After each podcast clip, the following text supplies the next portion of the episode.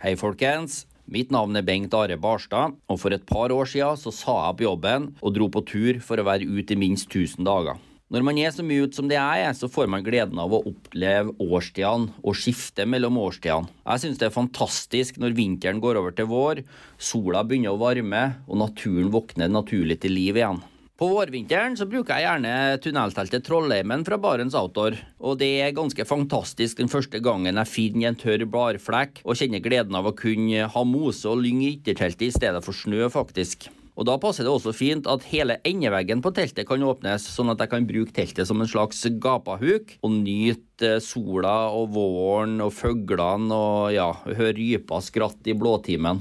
Samtidig så er det viktig å huske på at de første bærflekkene gjerne er blant de mest vindutsagte punktene faktisk når man er i fjellet. Men da er det ekstra godt å vite at teltene fra Barents står godt også i hard vind, og at det er gode forsterkninger på Barduna bardunfester. Alt det her det kan du lese mer om på barentsoutdoor.no.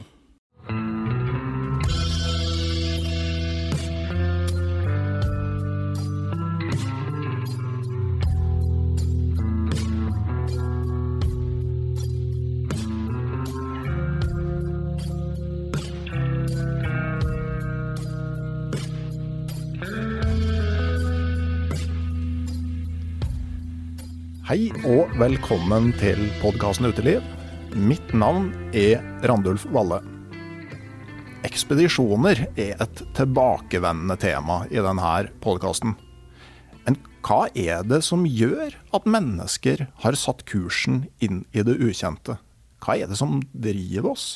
Og hvorfor driver vi fortsatt med det for moro skyld, når vi kunne sitte hjemme og hatt det trygt? Og ikke minst, hvilke ekspedisjonsmål gjenstår egentlig for dagens og morgendagens eventyrere? Nå har stunden kommet for å drøfte de her spørsmålene. Og med meg for å dykke inn i ekspedisjonens historie, nåtid og framtid, så har jeg fått med meg en guru på området. Hjertelig velkommen til Lars Ebbesen. Hjertelig. Mm -hmm. Vi sitter og tar opp i Kongens gate i Oslo, eh, hos Brynje. Uh, og det er jo i den store, skumle byen, så det forklarer eventuelt sånn politisirener og sånne ting vi, vi måtte uh, høre underveis i episoden. Men sånn for å etablere deg, da, Lars. Du har jo vært på ganske mye langturer og ekspedisjoner sjøl. Vært på Sydpolen. Ja, da har jeg vært uh, veldig heldig. og altså, Vi skal ikke ta hele lista, for det er egentlig en episode i seg sjøl. men du var med å starte reisebyrået Hvitserk. Det var jeg. Eh, og du har vært og er rådgiver for ekspedisjoner. Og så er du med å lage både Eventyraften og podkasten Tur og tøys sammen med Alexander Gamme. Ja, vi Det kan tenkes vi oppdaterer den i år. Podkasten, ja. Podcasten. Men ja. vi vet ikke om det er riktig at den kommer hvert år. Nei. Uh, altså det, vi lever jo av at vi liker det usikre. Mm. Og derfor kjører vi litt sånn usikkert når neste kommer. Ja, Men jeg skjønner jo på en måte Det gjelder jo å gjøre det veldig eksklusivt. det kan du si. At, uh, altså, sånn sett, altså, Du har jo sånn klesmerker og sånn, som, eller f.eks. sånne Rolex-klokker som du ikke kan bestille. Du må på en måte bare møte opp i en butikk som kanskje har det. Så det er kanskje litt den dere kjører på. Kanskje dere egentlig skulle begynne å legge ut episodene på et hemmelig sted? Ja, Nei, ikke hemmelig, men de blir liggende ute bare et par minutter. Ja. ja. Så det blir sånn som bildet til Sofie Elise. ikke sant? Bare står der, og så er det borte. Og så ja. blir det masse bråk. Nettopp. Åh, oh, det her har dere tenkt mye på, skjønner jeg. Ja, det er en kl klokkeklar strategi på hvordan dette er. Men det er jo Du kan si det var jo Den var jo en Tur og tøys var jo en start på eventyraften, da, på en måte. Mm. Prøve å snakke med folk om tur og ha det moro og som en sosial, blid del av turverden. Og så var jo Eventyraften fortsettelsen av det, og så ble det ganske mye jobb, og vi gjorde jo ikke noe for å tjene noe penger på det, så det ble jo mm, Da fada det litt ut med podkasten, men du skal aldri si aldri. Nei. Nei, men Eventyraften har jo etablert seg liksom i måte, det miljøet blant folk som liker å dra på langtur eller høre om langtur. da. Ja, det, det var veldig, veldig gøy uh, siste år, for uh, det Vi ser liksom på minglingen og når folk treffer, at vi får jo ikke folk opp i salen etter pausene, og det er jo et kjempe, kjempebra bra tegn og sånn. Og vi prøvde å si sånn Vær så snill, gå ned, piss, kjøp noe å spise og drikke, og kom rett opp. Ikke se til høyre og venstre, for da blir det stående. det er umulig. Og folk traff jo nye og gamle venner og sånn over en lav sko, så vi kunne egentlig bare sagt at det blir foredrag, men latt dem stå nede og drikke øl har vi tjent jævlig mye mer på. Ja. Det, men om noen år så kan dere ha en sånn mingledag. da, At du kan kjøpe billett til dagen før, hvor, ja. det, hvor det, bare er mingling. Ja, nemlig. Mm. Og de som ikke får noen venner, kan komme opp og høre et lite foredrag ved siden av. liksom. Ja, mm. noe sånn. Det var ikke mange av dem, altså. Nei. Nei, Vi skal straks i gang med ekspedisjonene, men alltid i podkasten Uteliv så spør jeg jo først har du hatt en fin tur eller naturopplevelse nå i det aller siste? Jeg trodde du spurte om det til slutt, jeg. Ja. Nei, spør, til, til, slutt så spør jeg om hvor du helst ville være hvis du ikke skulle være her. Å ja. Eh, I det siste, det er jo det er ganske løst uh, tema, men eh, jeg hadde for forrige uke hvor jeg egentlig skulle på møte, og så ble møtet avlyst. Og så tok jeg bare eh, ski som sto igjen fra i fjor, og tok trikken opp til Frognerseteren og gikk på ski. Og jeg har hatt så mye at jeg har trent dårlig, så bare begynte jeg å gå, og så har jeg helt fantastiske ski. Og så er jeg så usikker på formen av skiene at jeg begynner rolig, som er veldig eh, sjelden. Og så får jeg en sånn tirsdag i Nordmarka ikke et menneske, bare meg. Nydelig spor, fantastisk lys, fantastisk snø. Og, og, bare kan gå alle der det ikke er noen mennesker. Og, og, og da er liksom one up for Nordmarka. Det var helt nydelig. Så en sånn Gledene kan komme hvor som helst. Ja. Det høres ut som en veldig bra dag. Jeg har eh, noen sånne opplevelser i marka i Trondheim. Ja. Mm. Bymarka er jo helt Eh, på samme, samme, nivå, liksom. Og det er liksom det derre det er det som er så deilig. Liksom, ja, bo i byen og være så uff og alt eh, det der. På mange måter enig, men muligheten for de lokale kontrastene er større. Ja, eh, og det derre sitte her, og så vet du at det er, det er 25 minutter med, med bare linje 1, så mm. er du midt i paradis, liksom. Det, det er en god følelse. Altså. Ja, nei, sånn For min del, altså jeg bor helt ved markagrensa, men det tar meg en halvtime å eh, stikke ned på Lamoen for å ta en øl. ja, det er ganske bra. Det... Jeg har en illusjon om at jeg bruker den muligheten av og til, da, sjøl om det kanskje er fire ganger i året. Eh, men det, det, er noe med å vite at du kan. Ja, akkurat det der. Eh, det der, der. Men er, jeg må jo si at jeg bodde, nå bor jeg også som deg oppe ved markagrensa. Uh, ganske tett på, på skiløpene. Går veldig fort gjort å komme ut. Uh, men den jævla Holmenkollen er drita høy. Så jeg setter trikken opp når jeg er i dårlig form, og så går jeg hjemmefra når jeg er i god form. Ok, Så, så, så går så du hjem liksom, igjen da, i nedoverbakke? Ja, det kan jeg. Stå ned, så er jeg litt konge når jeg kommer gående hjem og har liksom gått i døra. Men, det er trikset mitt med ungene, eller hva. Nå går de jo overalt. Men sånn for å få, for etablere skigleden og bare gå turer som starter høyere enn de slutter. Det, det begynner, all, all, opplevelse begynner jo med god inngang. Mm. ikke sant? Og da jeg Tove og jeg fikk uh, unger og skulle på tur og sånn, så var jeg gjerne sånn Ja, vi stopper om åtte timer, liksom. Uh, men hun var sånn Ja, kanskje heller åtte minutter. Og jeg bare Hæ, er du gæren? Men det funka jo som faen. Ja, ja. Så, så, så, så, det er jo noe med akkurat den, den biten der, da, som mm. er viktig. Jepp. Men hvis vi på en måte stuper inn i oppdagelsene og ekspedisjonenes verden, så jeg tenker jo at der, den trangen til å se det som er bak horisonten, den må jo, i hvert fall hos deler av menneskeheten, ha ligget der helt siden for ca. 70 000 år siden, da Sapiens fant ut at ja, sikkert greit her i Afrika, men det hadde jo vært kult å se hva som skjer hvis vi begynner å gå nordover. Ja, du kommer liksom kort hvis du sitter i et tre mm. tenker jeg. Så ja. du begynner jo med at du da tenker at du går ned. Ja. så bare der er, skjer jo noe et eller annet. Men, men, om det er nysgjerrighet på horisonten, eller om det er uh, i den tiden der, om det er det at det kanskje er grønnere på andre siden av gjerdet. Altså hvor, hvor, hvor, går denne egentlig? Hva, hva var det en greie? Og jeg tror jo at det var jo håp om bedre, bedre tider, og at det var en belønning på forflyttelse. Ja, det, altså noen har tatt sjansen, og så har de blitt belønna. Altså, det, det blir jo litt som laksen, ikke sant? som stikker fra det relativt trygge miljøet i elva, og forsvinner ut i sjøen i ett, to, tre eller fire år. Men komme tilbake 100 ganger tyngre enn da han eh, stakk, og med tilsvarende større muligheter til å føre slekta videre. Da. Sånn at eh, det, det er ganske sånn grunnleggende biologi, da.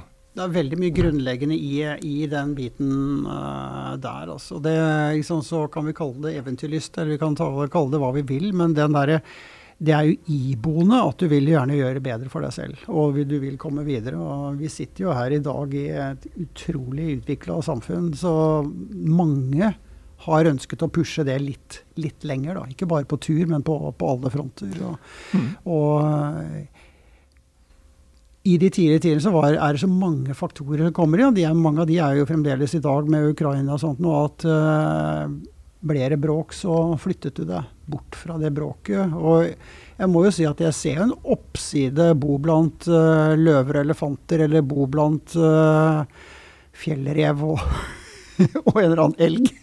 Jo, er liksom en oppside bare der, da.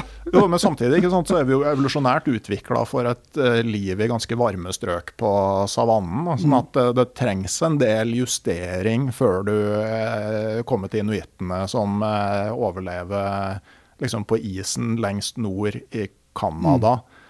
Og har tilpassa seg et miljø som er veldig annerledes enn en det man utvandra fra ikke så lenge før. da. Nei.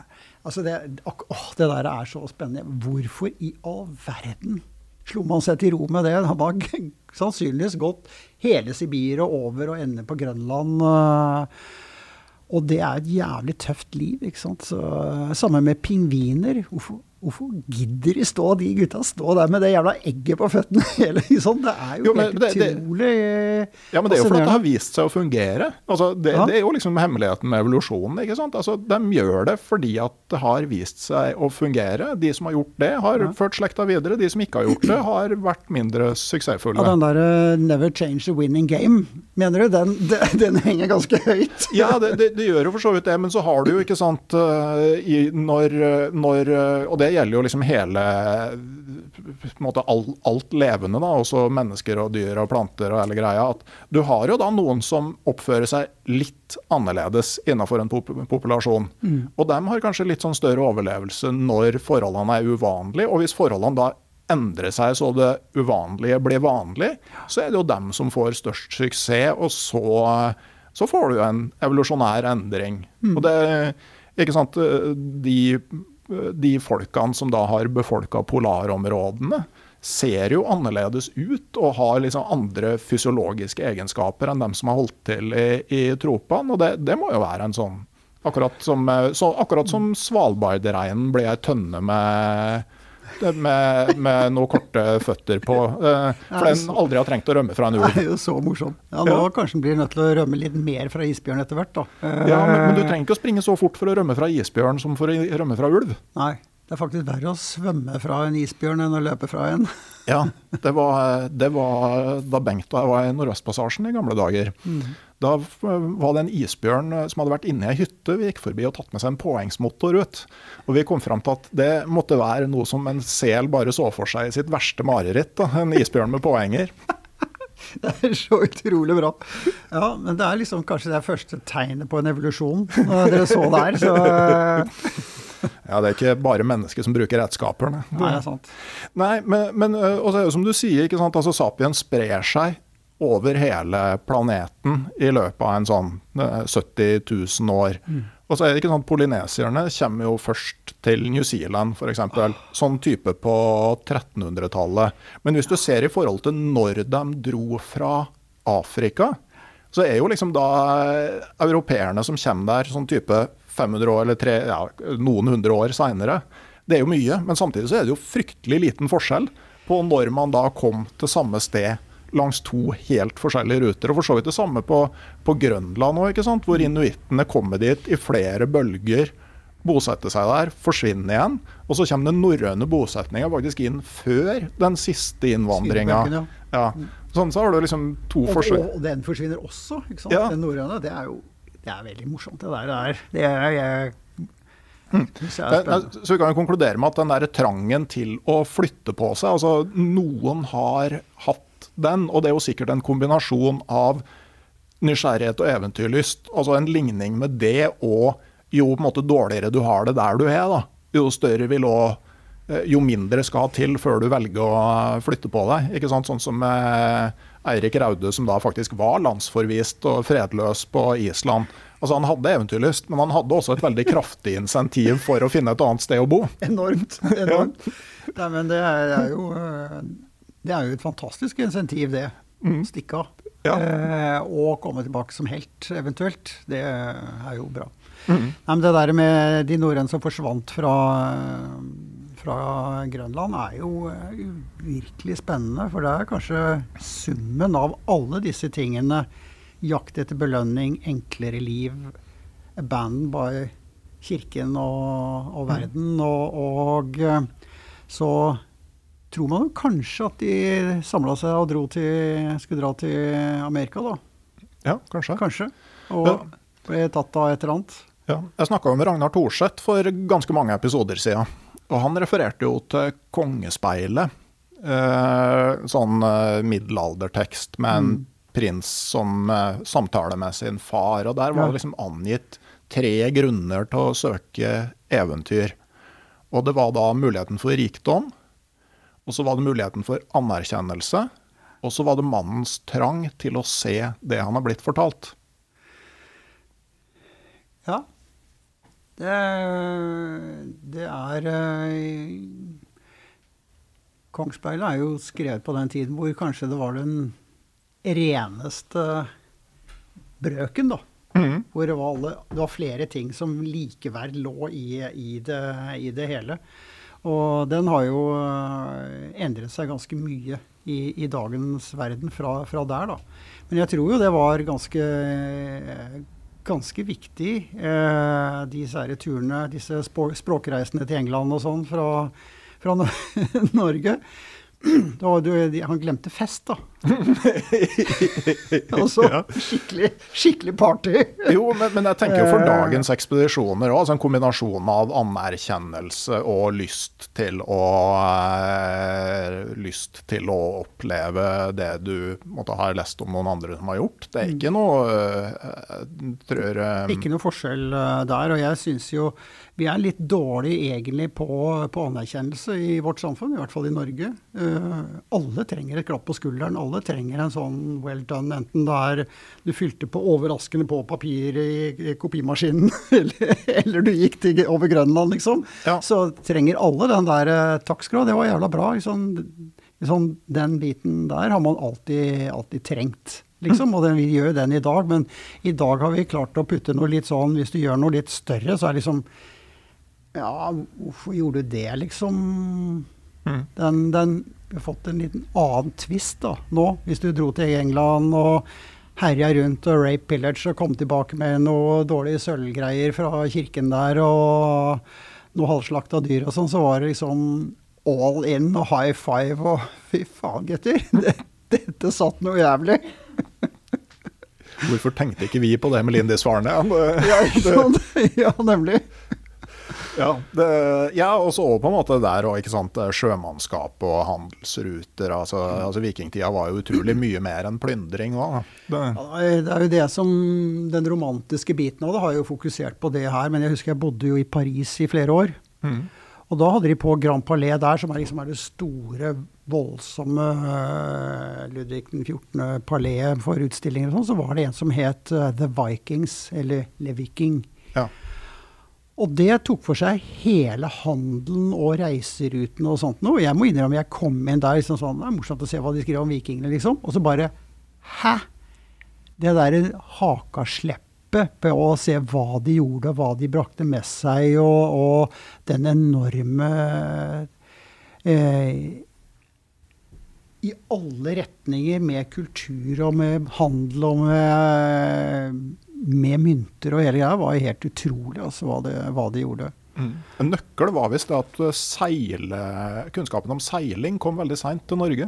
Sånn at de måtte lage veldig lette båter. Mm. Og da fikk du vikingskipene som liksom var lett å trekke på land og Mm. opp elver og og sånne ting. Ja, de var jo strålende. Eh, Jeg husker jeg gikk første tur på Grønland var med en uh, Sverre Planke. Og hans bror han var vikingskipfrelst. Uh, gift med, med eh, hun i Turistforeningen. Oh, ja. Og hun var jo med på en sånn tur med, med han opp rundt og hele ned og Svartehavet og rundt med vikingskip. eh, sånn. Men han ble første som kullseilt med vikingskip på Middelhavet? 1000 år. Nei, de, det tror jeg var oppe ved Færøyene eller noe. De, de gikk ned eh, der oppe. Og det var første kullseiling med vikingskip på 1000 år. Så det er liksom Skal skal skryte av noe, så er det jo det. Den henger jo høyt. Ja, nei, for det var jo eh, Jeg er jo innlandsgutt, ikke sant. Så når jeg snakka med Ragnar Thorseth, altså, var det da jeg skjønte altså, forskjellen på et åpent skip og et skip med dekk. ikke sant? Det er én brottsjø inn, og så er det rett ned. Det, så, så det, er, det er spennende. Men, men også, ikke sant, hvis du ser i, i litteraturen, så er det jo utrolig mange av de store klassikerne som handler om noen som drar ut på en reise. Eh, det, det, det er jo liksom eh, ikke sant, altså Homer med Odysseen. Altså En reiseskildring. altså Utmarsjen fra Egypt med israelittene i Bibelen. Altså Det, det er jo ekspedisjoner. Fantastisk, altså. Det er, det er enorme Alle disse her klass, gamle klassikerne er jo helt fantastiske eh, greier.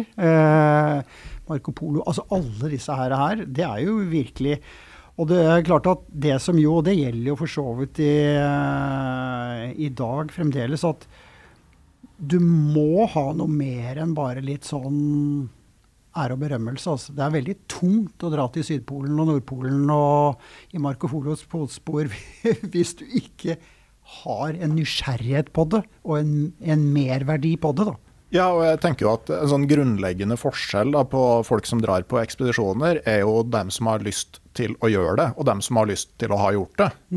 Og I det sistnevnte tilfellet så må det jo være blytungt. Ja, du, du, altså jeg pleier å si hvis du skal gjøre Antarktis, da, i og med at Nordpolen nå igjen er, er avlyst, dessverre, så, så er liksom den som står som det for oss med ski på bena, sånn det. De, mange drømmer jo, mange tar kontakt med meg og sånt, og det er bare noen få som ender der, da. Utrolig få som er, for du må ville det så Er det lov til å banne på den podkasten din? Du har allerede gjort det. Ja. Noe så inn i helvete. For å Beeper du det ut, eller? Det får jeg se. OK, jeg skal prøve å skjerpe meg. Men du må ville det altså så ned i leveren. Ja. Er det fint? Det, den var fin. Den var fin. Eh, at, at det kommer fra tærne opp. Ikke sant? Og det er Mm. det jeg prøver å si, at må liksom, Det hadde vært kult å gå, holder ikke. ikke sant? Det hadde vært moro, holder ikke. Er du villig til å pantsette boligen din? Ikke sant? Det er der det, det, er der det, der det ligger. Og eh, Det var jo sånn som Liv Arnesen som fikk en sponsor, men fikk beskjed om at eh, du får pengene når du kommer hjem fra en vellykka tur. Ja. Det, så du må jo ta opp lån for å finansiere det. mhm. Men det, det er jo faktisk flere enn Liv som har det. Ja, ja. Og, og det er flere eh, som faktisk går og sier at eh, OK, legg ballene på bordet. Mm. Ja. Eh, og, og stå for det og få en bonus eh, etterpå. Fordi det som er dynamikken med ekspedisjon, er at veldig mange får inn de pengene, og så svir de alt og tar et lån, og så er de, står de helt uten midler ettertid. Og det som jo er med, med store ekspedisjoner, at de har jo fryktelig liten verdi inntil du har nådd målet ditt. Ja, altså I Norge da- så har de jo ganske liten verdi i etterkant òg, i og med at det er et land hvor så mange har gjort så mye stort. Det er ikke det vi skal diskutere. Nei. Det er jeg nemlig helt uenig i. Ok, ja. Jo, men, men, men det er jo på en Jeg en kan jo ikke komme her og så være enig med deg, da blir det jo bare flatt. Ja ja, det, det, det, det er jo ikke noe altfor sterk. så, nei, men det ikke sant? Så verdikjeden til en tur eh, Nå hopper vi og spretter vi Ja, litt. ja, for all del, det- Eh, den, den er jo spennende. De fleste får tak i sponsorer veldig sent, og sponsor betaler veldig sent. Så de betaler omtrent idet du står på Gardermoen. Nå må jeg betale, for ellers så kan jeg ikke fly mm. dit, liksom. Eh, og, og da Det er jo det dårligste du kan. Da begynner hele verdikjeden idet du kommer fram, og så, og så er det, har du en periode hvor det er hot, og du kan fortelle om det og sånt noe. Eh, det beste scenarioet på en ekspedisjon er hvis du får inn sponsorene god tid i forveien, og kan ha et år eller halvannet, eller til og med to med dem på forhånd, og leve med det, gjøre turen, og gjøre, ha en tid etterpå hvor du høster av den turen. Og da er det sånn De fleste sponsorpakker i dag er jo ikke sånn du har et, et merke på brystet. Det er, jo, det er jo gammeldags sponsing. Det er bare skiløpere som vet at de skal stå så og så mange timer foran kamera, som har glede av det. Alt det andre er jo eh, en, bringe en verdi inn i, eh, i, det til det firmaet. Så, så det fleste, beste er jo at du ikke har et sponsormerke og står foran et firma som har sponset deg, slik at du ser ut som du er ren. ikke sant? Mm -hmm. Da er vekten av det du sier utrolig mye større. Og, og da er jo klart at for et firma som da skal enten slå seg sammen, eh, eller de skal inn på nye markeder, eller skal gjøre et eller annet, så er det interessant med å følge et prosjekt som en skiløper som skal ut av komfortsonen og gjøre et eller annet, og hvordan du forbereder deg, hvordan du tenker, og hvordan du bruker kreativitet og sånt noe. Veldig mye paralleller. Så hvis du har, klarer å få inn folk tidlig på prosjektet ditt, så kan du ha en ekstremt bra verdikjede. Og de som er, er, bra, de klarer det. Og da begynner ekspedisjoner å kanskje og til og med kunne lønne seg etter hvert. Men de fleste kommer inn så seint at det blir bare litt spennende om du kommer fram, og så er det litt sånn et par foredrag etterpå, og så, og så dør det. Og det, det, er veldig synd. Og så, og så sa du en annen ting om at nå har folk gjort alt. og det er eh, det er veldig spennende, for det har man bortimot, det skal vi også diskutere etterpå. Ja. Det blir veldig morsomt. Men, mm. men, det fine er at når de store har gjort alt, så begynner en ettervekst på at det fremdeles er fantastisk å gå til Sydpolen. Det er fremdeles er fantastisk å krysse Grønland. Det er fremdeles fantastisk å dra til Svalbard. Det er fremdeles fantastisk å gjøre alle disse tingene. Men det blir ett hakk ned. så Det blir mindre avstand da, mellom de du snakker til, enn om Børge Austrand og Messner og Neil Armstrong og disse som blir som guder som strør litt av sin verden over det, så kommer det mye tettere.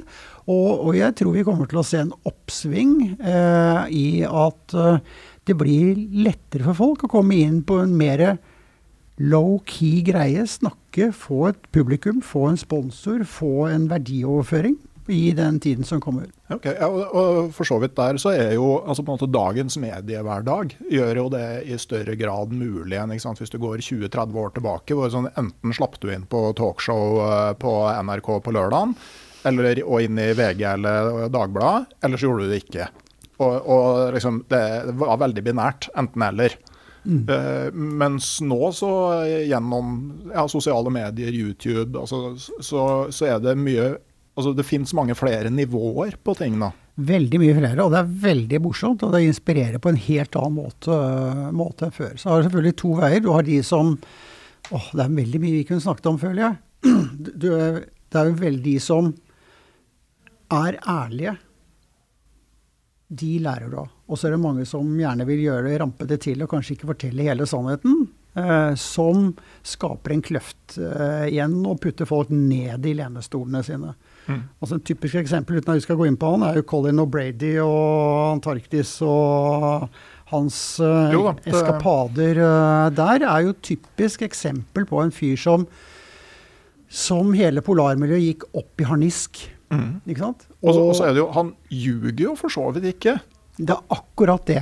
Han bare forteller ikke sannheten. Nei, det, Eller han forteller veldig... sin del av sannheten. Og det ja, er liksom... Bare sånn for å si det sånn, altså Han velger den absolutt korteste veien inn til Sørpolen, og så følger han opparbeida veien ut igjen. Han starter ikke ved iskanten, han starter mm. der isen ligger på havet. Mm. Og det er jo en sånn grense som har blitt flytta dit Mm. Fra de første som starter ved iskanten, og så blir den grensa flytta.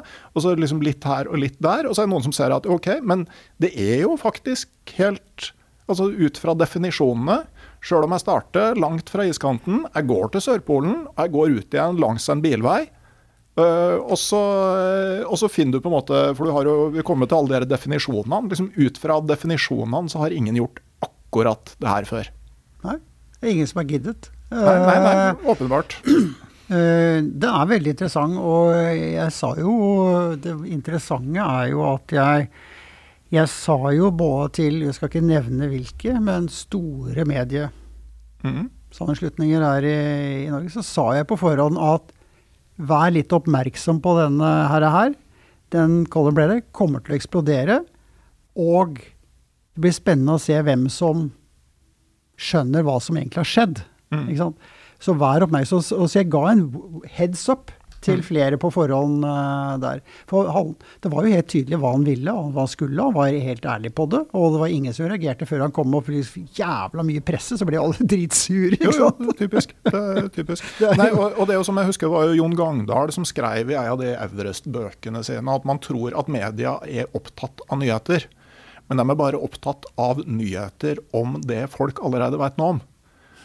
Eh, sånn at, ikke sant, det her er OK, ja, men han har gått, eh, han har kryssa Antarktis, har gått inn til Sydpolen og ut igjen på andre sida. Altså det, det, du tror du forstår hva det er, men du forstår ikke nyansene. Og det blir jo for så vidt det samme i Himalaya.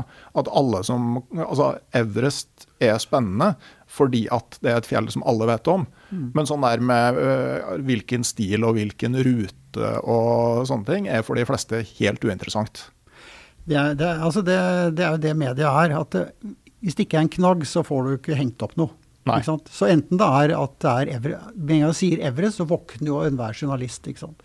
Ja. Med en gang du sier uh, et kjent navn, så våkner enhver journalist og ser kan, hva kan vi gjøre her. Med Sydpolen så våkner ganske mange uh, av det. Og det, det, er jo sånn det alltid vil være. Ja, Fordi uh, i hvert fall i vår clickbait-verden så, så, så, er det jo sånn at det, hvis du skal begynne fra scratch så sånn Jeg har mistet et stegjern på Mant Blytt, ikke sant. Du kommer jo ikke da, men hvis du mister et stegjern på topp topp uh, på Hillary Step på Everest, så er liksom har du alle forsedene, ikke sant. Så det, det er jo det hva du, hva du Så må vi bare akseptere at, at det er sånn. Ja, Det var jo som var en sånn eh, eventyrergruppe på New Zealand. Da jeg var der, jeg husker de skrev om liksom som New Zealander, så var det jo liksom på en måte for å få oppmerksomhet, så kunne du være førstemann på Everest. Du kunne spille for All Blacks, altså eh, landslaget i rugby, eller du kunne dø. Det var liksom Det var eneste måten inn i å komme inn i avisa på. Uff a meg.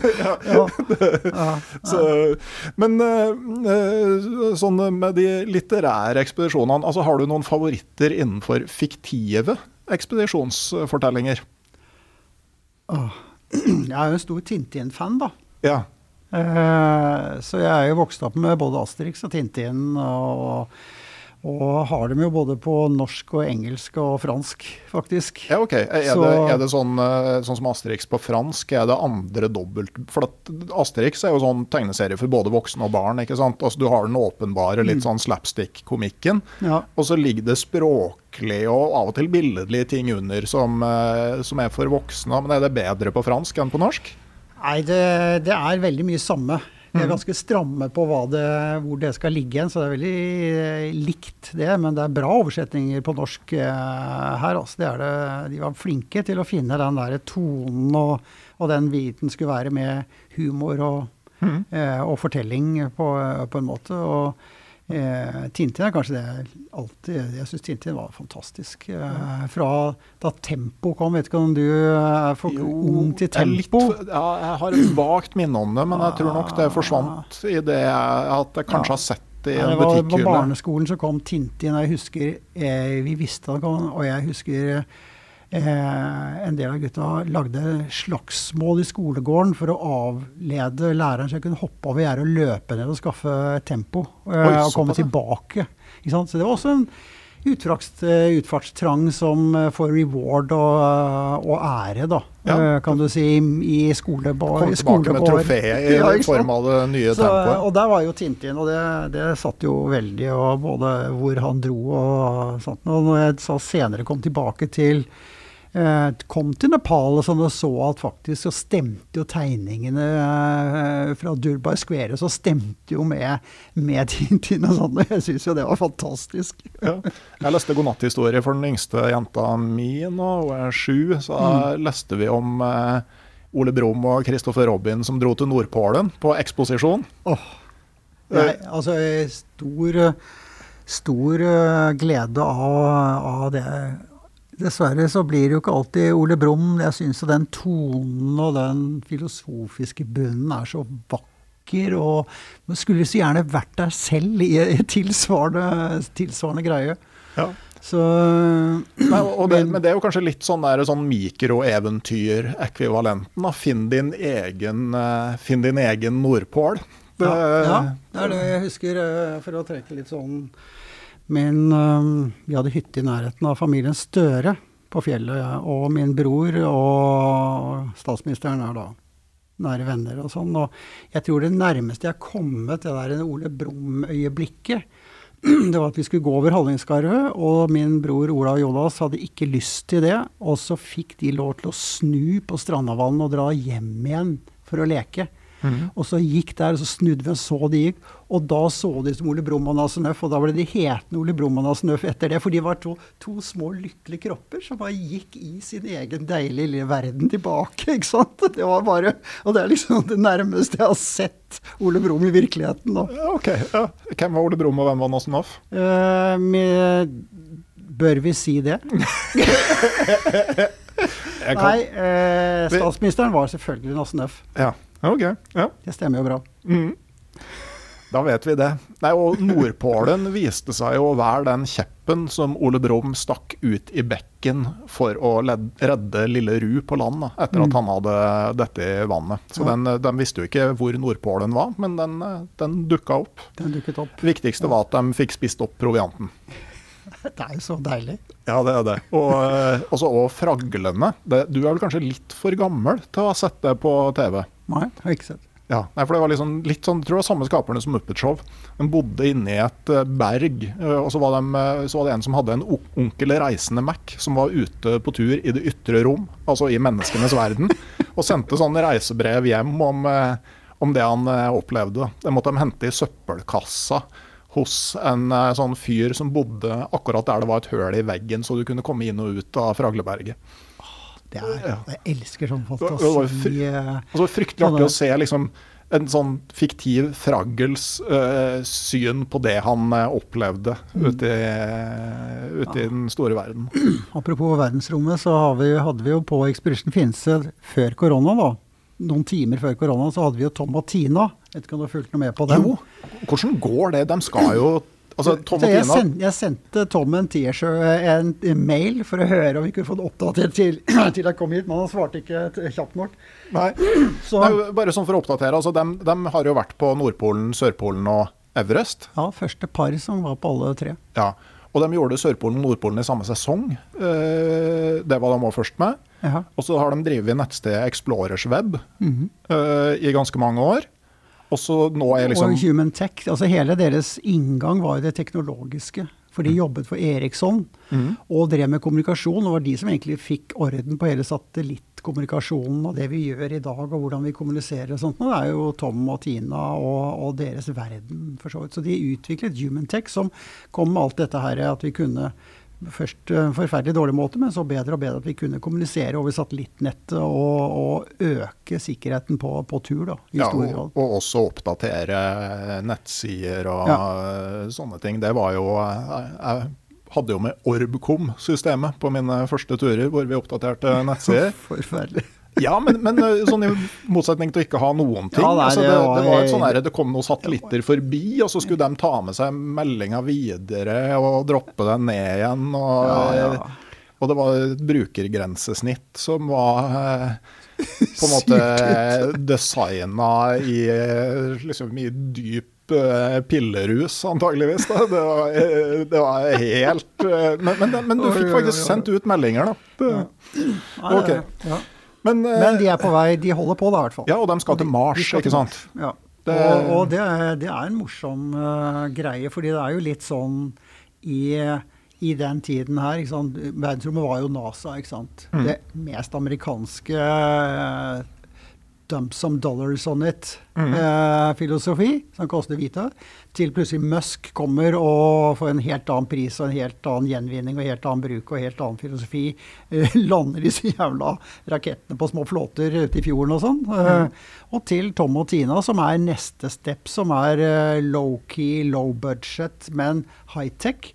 Hvor de da faktisk går og bruker hele sin ekspedisjonsfilosofi på enkelt, lavt, lett, raskt eh, greie, og går inn på hele, eh, hele den der eh, astronautbiten og, og verdensrombiten, med en helt annen filosofi og en helt annen inngang eh, på det. Det er jo ikke så veldig forskjellig fra hvordan Amundsen løste Nordvestpassasjen sånn eh, i forhold til de store engelske ekspedisjonene. Ikke sant? Mye mindre skip, mye mindre mannskap. Fast light. Ja. Uh? At, uh, det, det er jo åpenbart at uh, det der kan funke andre plasser, men tror du den kommer til å prøve å dra? Altså Kjenner jeg dem rett, så er det en sjanse, så drar de. Og Tur og Tøys fikk jo tilbud om å ha en søsterrakett, slik at vi kunne møtes der oppe. Det hadde vært kult å ta opp Eh, podkast på Mars, da. Det hadde vært det, og liksom fristelsen var jo veldig stor for å få en, en episode derfra. Men jeg er ikke sikker det blir nå. Nei. Uh, det er så travelt her hjemme. Ja, det er så travelt som så mye å gjøre. Men også hvem skal vanne blomstene mens du er borte? Ja, liksom. Hvem skal oppdatere en gang i året? Men et, Eh, et lite tips, da. Det er jo, du har jo barnebøkene om reven og grisungen. Fantastiske bøker. Det, det er jo han ene som har vært med å lage den 'Bukkene Bruse på badeland', som, eh, som står eh, bak. Og der er det de skal komme seg under treet til gjøken, så de kan få ønske seg tre ting. Og det han reven har funnet han skal ønske seg, han ønsker seg en stor boks med pastiller og en månerakett i sølvfarge. For da kan han bli den første som spanderer, spanderer pastiller på månen. Det henger sammen. Ja. Det helhetstenkning. Ja, er bra.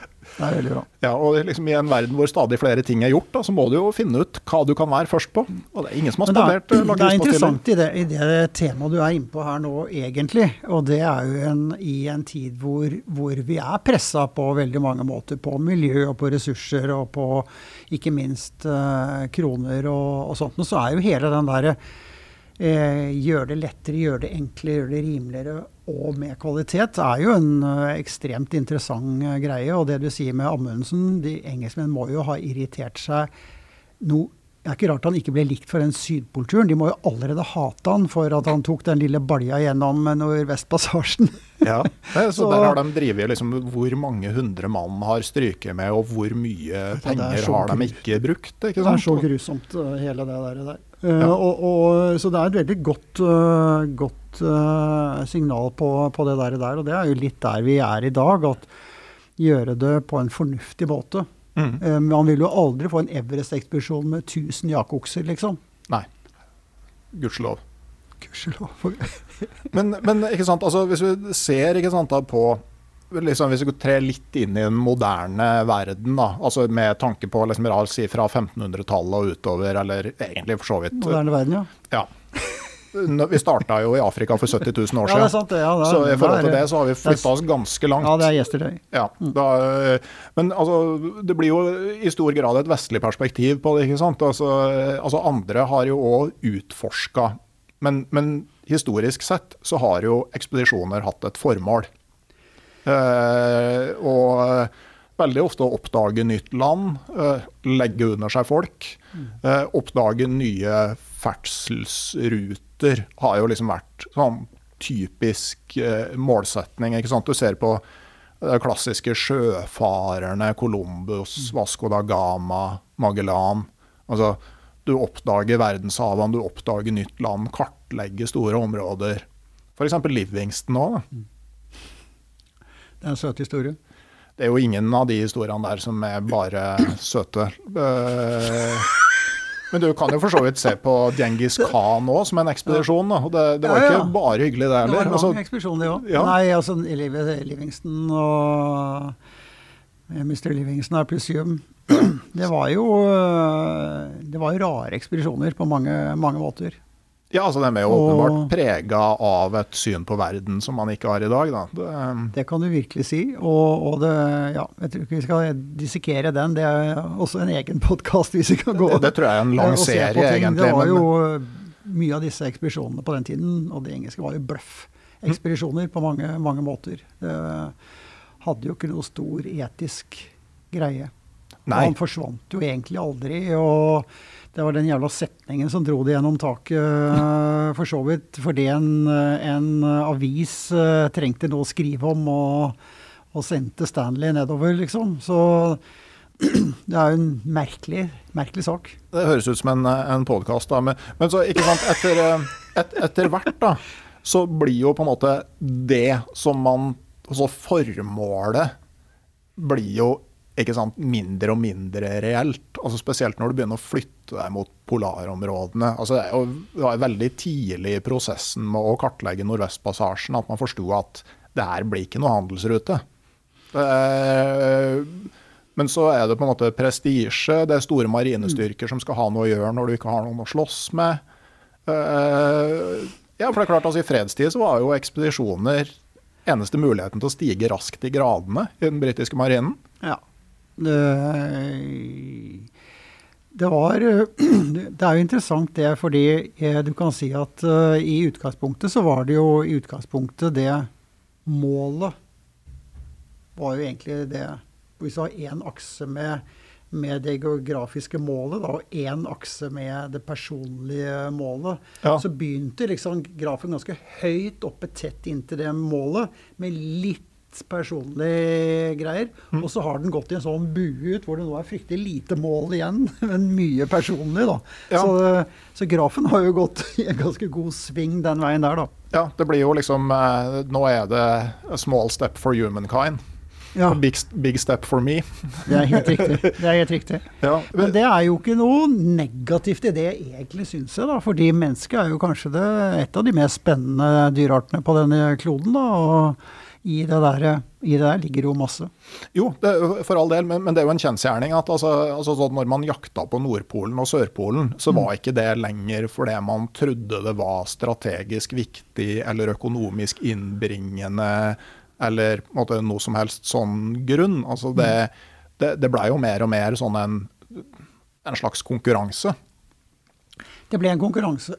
Først så var det en konkurranse som hadde et snev av uh, av vitenskapelig usikkerhet og vill gjetning. Mm. Eh, fordi de trodde jo en periode at du kunne opp og finne land, og de trodde ja. jo at det var kanskje palmer og dritt midt på Grønland. og det er klart at Hadde man funnet sånne ting, så hadde det jo vært helt fantastisk. Eh, mm. Så det var jo mye jeg vet ikke, og jeg har aldri helt skjønt om det var seriøst, eller om det var litt sånn Hvorfor kaller man Grønland for Grønland, liksom? At det var et markedstriks for å komme på tur. Jeg vet ikke.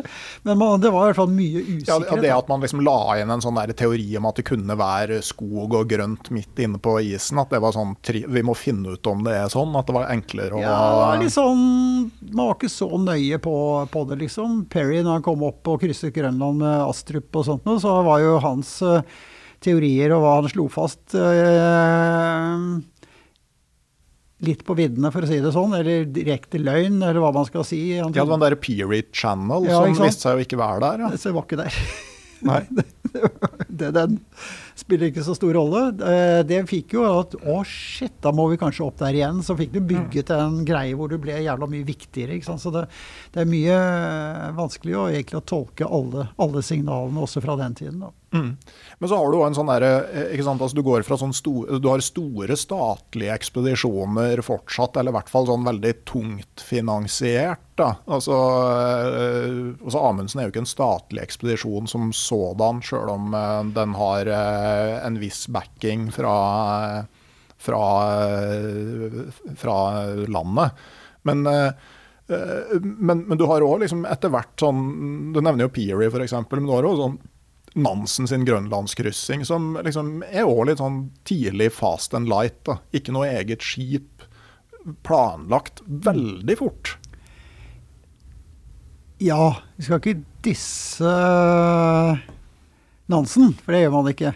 Men det er klart at uh, den, han var jo livredd for at Perry skulle pile oppe før, så han kasta seg av gårde. Hadde jo med hest og greier. Mm. Uh, så han var jo var jo på tynn is på en del av det, og kom jo ikke inn dit han skulle. Han skulle jo begynne ved Tasilak og gå til Lulisat, og eh, endte opp i Umevik og, ved å starte i Umevik. og kom startet mot eh, Lulisat, men så brakk han ned mot Nuuk for å rekke siste båten og få liksom stedfastet at de hadde klart det. og jeg mener er bra for dere som starta reisebyrå seinere, at han ikke endte opp med å gå ei mye lengre rute lenger nord. det hadde vært en mye finere rute. Og, og, og, det er jo Nå er vi ja, litt mer vidde, da. Eh, hadde, man, hadde han dratt til Ilulissat, som jo er et fantastisk vakkert sted, og helt, nydelig. hvor du virkelig føler at dette er Grønland, dette er et sted jeg bør oppleve Ja, jeg må bare sånn Så- kjapt si med Ilulissat, det ligger jo ved utløpet av Isfjorden. Mm. Og det er en fjord som er veldig djup innerst, og hvor det kalver isfjell ut. Men så er akkurat i utløpet til fjorden så er fjorden veldig grunn. Så der blir isfjellene liggende på De går på grunn. Og så blir, eh, ligger de og slår mot de isfjellene som kommer inn bakfra. Og så plutselig, altså i fjorden utafor Ilulissat kan være helt fri for is om morgenen. Og så om ettermiddagen så er det knuste isfjell overalt. så langt øyet rekker. Det er helt vilt. Ja, det er helt vilt. Det er jo en av de, det er vel en av de fjordene som, eh, som, som eh, En av de fjordene som eh, faktisk eh, kalver mest is i verden, tror jeg. Ja, Eh, det, det der, der. Så det, er det ikke hele New Yorks vannforbruk hver dag, eller noe sånt? Ja, New York, jo, New Yorks vannforbruk i syv år hver dag. Og. Det er, det er, det er helt ubeskrivelige mengder. ikke sant? Ja. Og det er jo det som er interessant med Grønland, at, at eh, tallene er så store. og det, Ja, det smelter på Grønland, liksom. Mm. Men Grønland er kjempesvært. Ja. Og, og eh, jeg prøver å, vi prøver å si når vi har folk over Grønland, når du kommer til 660 så kjører jo den veien som ble opprettet uh, Ja, 660, nå, nå er du ved Gangslusvak og Ja, på, på- vei opp på, isen på vestsida ved Og der, der stoppet jo veien ved iskanten. Mm. Nå er det jo uendelig langt ned til Morene og uendelig langt bort. Der er det forsvunnet sinnssyke mengder is. Mm. Bare de siste 10-15 årene, eh, liksom. Mm. Og når vi begynner å tenke at dette er rundt hele, hele greia, så begynner det liksom å bli så store mengder med ting som er rent ut. Og du vet at det er smeltet før Grønland nådde tipping point, og det er forbi. Så nå er alt mye raskere igjen. Ikke sant? Det er, eh, det er eh, fryktelig nytende, altså. Ja, kan bli en kort tur over innlandsisen etter hvert. Kortere kortere. Ja. Men det jeg skulle si om Hadde vi hatt Ilulissat som slutt, Mm. så hadde man krysset Grønland. Nå krysser man innlandsisen. Ja. Hm. Det er en idé til folk. Og det er derfor vi, også, vi krysser også Nansen-ruta. da. Eh, på høsten så krysser vi, begynner vi faktisk eh, ved Isertåket, og så går vi inn på isen, og så krysser vi tvers over og inn på Nansen-ruta og, og går Austmanndalen og ned til fjorden. Da har du krysset Grønland. Mm. Og du har fått en helt eventyrlig tur, hvor du kan eh, gå i joggesko ned Austmanndalen, ha med en liten fiskestang, og så fisker du litt og tenner et bål. og Det er en bra måte å slutte på, vet du. Mm. Det høres jo veldig Det er mer din stil. Ja, men det, jeg, jeg, det fins en sånn video av meg fra Nordøstpassasjen hvor jeg driver og, eh, og samler tørrved i pulken utpå våren. Gjør det? Ja, for å koke kaffe. Du gjør det? Jeg skal, Det er liksom, så bare bra. sånne fem centimeter lange twigs. Liksom, Ja. sånn, nå skal jeg samle nok i pulken til at jeg kan fyre et bål. Det, Det er sånn, det er sånn veldig Børge-greie, det. Eh, når du går tur med han, eh, så er det med en gang det er pause, så viser det at han har gått og stabla små neverting og sånt. så Han bare kommer ut av lomma, og så er det bål på tre sekunder. Han bare er sånn naturkleptoman på alle små brennende ting. og sånt, og det ligger i hans gener at han plukker det med seg. ikke sant? Fantastisk. Husker jeg vi padla Telon. Når du kommer ut helt på slutten av den turen, så er du jo liksom helt ute på det tundra det, det, det eneste du kan brenne, er kreklinglyng. Og da går det å samle ting. Og jeg fant et 15 cm langt stykke med drivved. Og den, den gleden over å finne det. Ja, fantastisk. Vi hadde tatt med oss et par sånn eh, tørre, tørrgranstokker i kanoen til å lage liksom, middag og sånn på, men hvis vi skulle ha varm te til lunsj, så måtte vi finne liksom eh, finne, Og det å fyre bare på kreklinglyng, altså det, det er en prosess. Jeg husker jeg kom hjem og drakk te, så var jeg så skuffa, for den smakte jo ikke sånn som jeg var blitt vant til. For den teen der, den smaker jo bare røkt krekling. Ja. Nei, men når du fyrer på krekling, så, så, så er det ikke badevann du varmer opp. Nei, det, det er ikke det, nei. Slett ikke. Men den turen dere hadde over, gjennom Nordvestpassasjen, jeg syns jo det er en av Jeg husker da Jeg traff jo ikke deg før turen, men jeg traff jo Bengt, for han var jo innom Sjur og Sjur og meg. eh, Og sånn, og jeg, var, jeg tenkte at er det mulig? Liksom, er de gutta bra nok til det? Liksom? Eh, og det var det jo. Eh, det var en helt fantastisk uh, tur. Men der er det jo interessant å si, for det var jo tidlig, og det var en greie som folk ikke hadde gjort. Og det var liksom en ekstremt lang tur og kald tur og alt sammen. Så det er sånn Drivkraften, hvor var det? det? Det er jo ikke den dere ble rike på.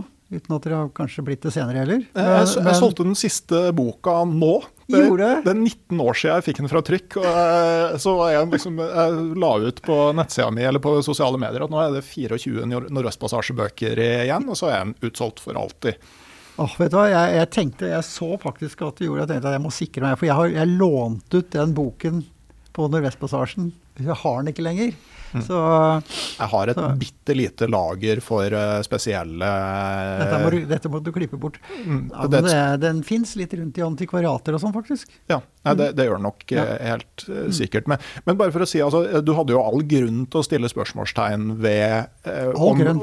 fordi at vi har snakka på etterpå. altså Bengt har, altså For min del så blei det jo, i hvert fall fram til nå, det som blei den lange polarskituren. Og Bengt har jo vært liksom på Nordpolen og Sørpolen og et dusin ganger over Grønland. Han, sier, altså, han har jo ikke vært borti noe som har vært så kaldt som sjøisen nord for Canada tidlig i mars. Altså, det, det, det er jo ikke altså Sjøl inuittene var jo ikke ute da. Vi burde kanskje tatt et hint over det, men vi forsto kanskje ikke hvor drøyt det egentlig var. Ja, jeg husker da Bengt var innom, og vi satt og pratet med Sjur og ja. han og jeg om kulde. Mm. Uh, og sånt noe. Jeg var bare Jeg fikk, jeg fikk ikke ting til å gå opp på hva dere skulle. Og det gjorde det så fascinerende at dere heiv dere ut i det, i det greiene der. Og så landa dere jo på beina. Ja, altså, men, men, altså igjen, altså, vi syns jo uh, Når jeg ser gjennom videoene ja. altså Vi er jo blide som altså, Vi har det jo som plommen i egget. og Vi fant jo et område med pakkis. ikke sant? Det som man nå kaller å gå Nordvestpassasjen, det er jo fra Cambridge Bay til Johan. Ja. Da får du liksom indrefileten. Mm. Det var andre av fem eller seks etapper vi hadde. Uh, men, men, altså, vi fant jo et belte med pakkis, og det var jo som å slippe løs en tolvåring på Tusenfryd. ikke sant? Mm. Og så endelig så får vi lov å treffe, trekke pulk gjennom pakkis. Jeg husker jo de bildene faktisk eh, fremdeles fra, fra det der. Ja, nei, så det, så Men liksom, hva, hva, var utgangspunktet der, da? Utgangspunktet var at vi ville på tur. Og så snakka vi om liksom sånn magnetiske Nordpol mm. eller et eller annet sånt. Men så, så det, var, det, var, min idé, da. At, eh, for jeg hadde jo vært eh, to runder i Canada, padla og, og liksom Så liksom, jeg, sånn, Kanskje det går an å gjøre noe på ski der. Og så ja, Nordvestpassasjen og se at det er faktisk 100 år siden Amundsen dro i 2003. Så bare ja, det gjør vi. Og uh, Rune Gjeldnes vi spurte først, da, han var liksom lunken til det der med magnetiske Nordpol. liksom sånn, Hvorfor skal dere gidde det? liksom, Og så var Nordvestpassasjen som bare sånn Ja, det her liker jeg mye bedre. Og det var altså, jo det med folka vi møtte. Magnetiske noe er sånn du, du trår på, og så må du trå igjen. Sånn som du prøver å trampe på en flue. ikke sant? Ja, ja. Jo. ja, altså Det er jo på en måte bare en unnskyldning for å få en litt lang tur i de områdene der uten å gå på fullengde Nordpoltur. da. Så, uh, nei, så uh, Men for min del så har det jo kanskje blitt litt det der å Altså det at du har noe historisk som ligger bak det. Altså det som, altså Canada-turene mine til sammen ble jo på en måte grunnlaget for den boka jeg skrev om Hjalmar Dale. sånn at mm. Eh, det ble liksom min vei. Mens mm. uh, for Bengt så, så, var det jo skiturene han fortsatte uh, videre på. Mm. Men bare sånn, det som var styrken vår, var at vi, vi hadde det moro. Altså, det var det her vi hadde lyst til å gjøre. og vi, altså jeg kan ikke huske at jeg ønska meg noe annet sted i løpet av de tre månedene. Nei, men det er ikke sant. Det, det, det er inne på noe ganske essensielt. Vi var litt inne på det i stad. Hva er drivkraften? Mm. Ære og berømmelse. Det er, det er, ganske lang vei for å få litt klapp på skulderen en sånn Nordvestpassasjen-tur. Mm. Uh, så hvis du ikke har en tilleggsdrive så blir det fryktelig tungt. Der. Da tror jeg er bedre måter å få klapp på skulderen enn å gå Nordvestpassasjen eller gå til Sydpolen. At du må ha den der fra tærne opp-greia, og du må passe på at du, du, gleder deg sånn at du er lykkelig når du er der. Altså. Ellers så blir det jo fryktelig rar greie. Ja, jeg, jeg syns jo det, da. At det er rart å bruke så mye tid og ressurser på, på noe som du ikke syns er moro mens du driver med det. Mm. Det er, for det er greit nok du kan ta en utdanning som du syns er slitsom fordi du vil ha yrke etterpå, men, eh, men eh, akkurat det, det, der er noe annet. Da er vi inne på et senere tema, det med, med rekorder, ikke sant. Mm. For med en gang du legger inn en rekord, så legger du inn det ordet ubehag. Ikke Mm. Sannsynligvis. Ikke sant? Du vil pushe grenser, og du vil ta bort kanskje det det derre Det blir ikke så mye kaffekos da. Det, kosen og, og hyggen og det derre om morgenen 'Jeg er den heldigste i verden'-biten, eh, liksom. Nå skal jeg gå 40 km og ha det helvete. ja. Um, Men, men på den annen side, så sånn, vi, Bengt og jeg fikk jo veldig dårlig tid på slutten. Uh, for det ble jo, selv om du starter midt på vinteren, så ble det jo veldig vår til slutt. Så vi gikk, jo på, vi gikk jo på barmark og gjennomslagsføre og sånn. Men da hadde vi starta rolig, men så hadde vi en voldsom spurt. Vi gikk 230 km på fire dager på sånn vårlig gjennomslagsføre.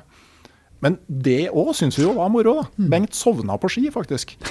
Altså han, han våkna, og så var ikke jeg foran han, og så kikka han bak seg, så gikk liksom skisporene våre parallelt i snøen i over 100 meter.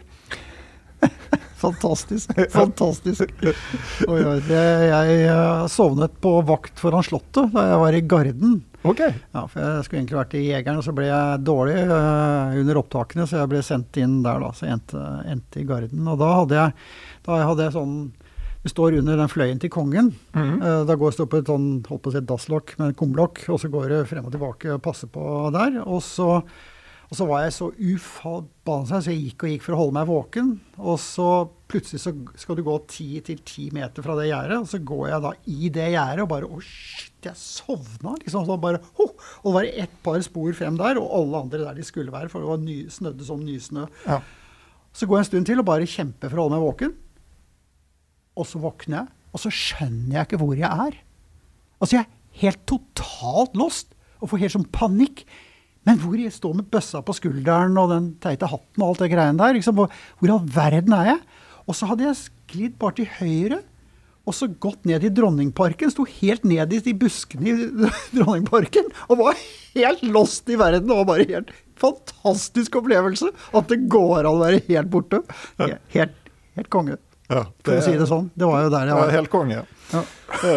Men, eh, men ja, eh, ikke sant, polarområdene. eh, De, de ender jo grovt sett med at både Nordpolen og Sørpolen blir erobra, for å kalle det det. Og, og den reelle erobringa av Nordpolen det tar oss jo egentlig fra den sånn klassiske epoken hvor du ferdes på snø og is til fots, med hunder, med motorsleder, ponnier, hva du nå enn eh, velger å prakkes med.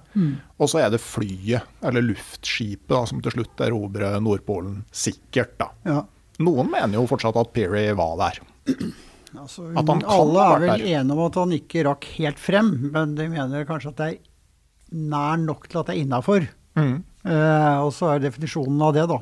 Eh, kan du si. Det er en del som også mener at, eh, at han konkurrenten hans, hva er det han heter? Han, eh, Cook. Cook Frederick Cook. eh, faktisk også gjorde nesten et eh, vel så bra forsøk. Og det er jo litt krig mellom de to campene fremdeles. Ja. Men den tiden så var det jo, var det jo Perry som vant. Jeg lærte når jeg var ute på Svartskog at Frederick Cook, da han satt i fengsel, så broderte han en duk til Amundsen, som da ligger i eh, stua. Den blå stua, mener jeg den Ja. Og det, Den har jeg alltid hørt og tenkt og da jeg var ute hos Anders, da, som du har snakket med, så var jeg så keen på å se den. For jeg tenker liksom En sånn polfar sitter liksom og, og lager en duk, liksom. Eh, og så ser jeg den duken, så er det jo jævlig flott. Ja da, det er Det er liksom ikke noe sånn slurv, det er bare Hæ! Er hun søy Da skjønner du at han har sittet inne lenge. Ja, Men hva tenkte du da du så bildet bak sofaen? Åh. Nei, hva tenkte jeg på det? Det er sjokkerende. Ja, det er eh, Det sier at den fyren tenkte ganske mye, tenker jeg, på hva han hengte opp, og hvorfor han hengte opp, og hva som lå i det. Ja, og, Men hva og, lå i det? At Hva? han hadde, hva var grunnen til at han hadde bilde av Oates, Oates. som gikk ut av teltet for å dø? Det Det er en påminnelse om at eh, det er ikke På den tiden så var det ikke noen grense for hva du måtte gi for å nå målet, rett og slett. Det var, det var mye viktigere. Jeg tror han hadde ekstrem respekt for Oates, uh, som, som, gjorde det greiene der. Er det sånn der memento mori-påminnelse? Mm. Sånn uh, ja. husk du skal dø? Ja. Altså det, hele den biten er jo har du vært der nede på, så får du vondt bare å tenke på den. ikke sant? Tenke på det der, De gutta ligger der, og han sier 'it might take a while', eller hva han sier for noe. ikke sant? Og så rusler han ut og blir borte. Og så mm.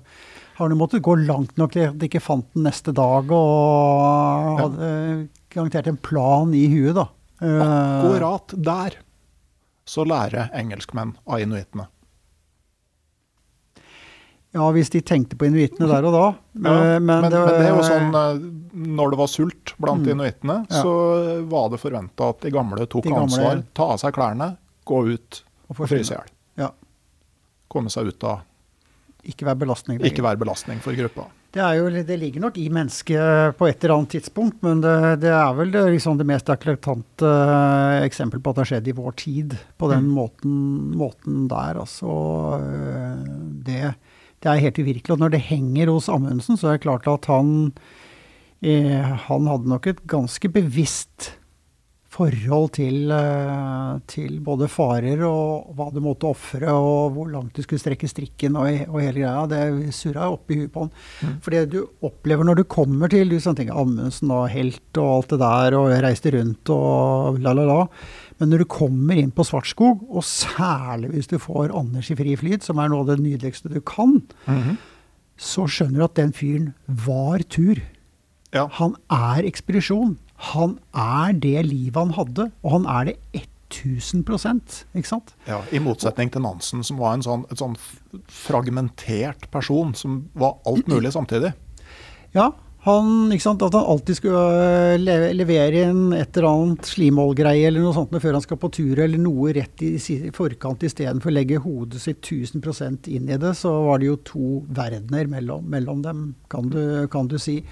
Og det Men du kan jo ikke ta fra Nansen at for en mann, han lander jo ja. på beina. Han er verdensmester i å lande på beina. Han er bedre enn en katt. Jo, det er en. Men, men, men, jeg har sagt det før, og jeg sier det igjen, at jeg tror det var bra at det var Amundsen som dro til Antarktis, og ikke Nansen.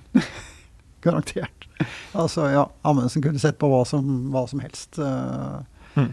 ja. men, så, men, så, er det klart, altså Amundsen, når han på en måte skal betale gjelda til Nansen med å komme seg til Nordpolen, så blir det et eller annet mer sånn krampaktig over det etter hvert, syns jeg. Mm. Mm. OK. Men eh, etter at Polene var ferdigutforska, så flytter man seg jo Altså, eh, så skal man til værs. Da liksom blir plutselig Everest den tredje pol. Og jeg lagde en episode med Nils Faarlund, eller to episoder, i fjor vår. Hvor han sier at eh, det var forferdelig dumt at Amundsen kom til Sørpolen før Scott. For hvis Scott hadde kommet til Sørpolen først, så hadde ikke så hadde Himalaya-historien blitt helt annerledes. For da hadde ikke den britiske staten satt så mye inn på å erobre den siste polen de kunne få. Og du ville fått utforsking av fjellene i Himalaya i mindre grupper. Helt, andre, eh, helt annen tilnærming. Kjør debatt. Ja, kjør debatt. Altså, Nils er jo verdens flinkeste til å skape debattemaer, det må jeg jo si. Det er helt nydelig. Det er en veldig morsom teori. Mm. Eh, det er jo det. Men jeg må jo si at eh,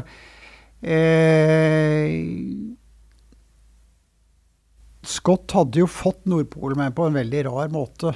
Eh, hvis ikke Sørpolen, ja. Sørpolen. Ja. Uh, det Sørpolen. Og, og, og uh, engelskmennene hadde jo et veldig engasjement i Nepal og Himalaya, oppmåling og Everest som målte opp, eller gutta til Evre som målte opp toppen og sånn. Så Eh, og på den tiden så var det jo ikke bare engelskmenn som drev med litt større. Sveitserne var der jo og burde tatt toppen før engelskmennene og sånt noe. Så det, det var jo flere.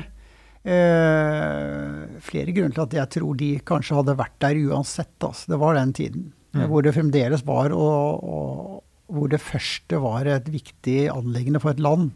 Mm. så var det jo han der sauebonden fra New Zealand da, som reddet uh, dronning Elisabeth. Uh, men da Engelskmenn er jo veldig flinke til å gjøre folk engelske når det passer. Ja. Så han ble jo veldig engelsk.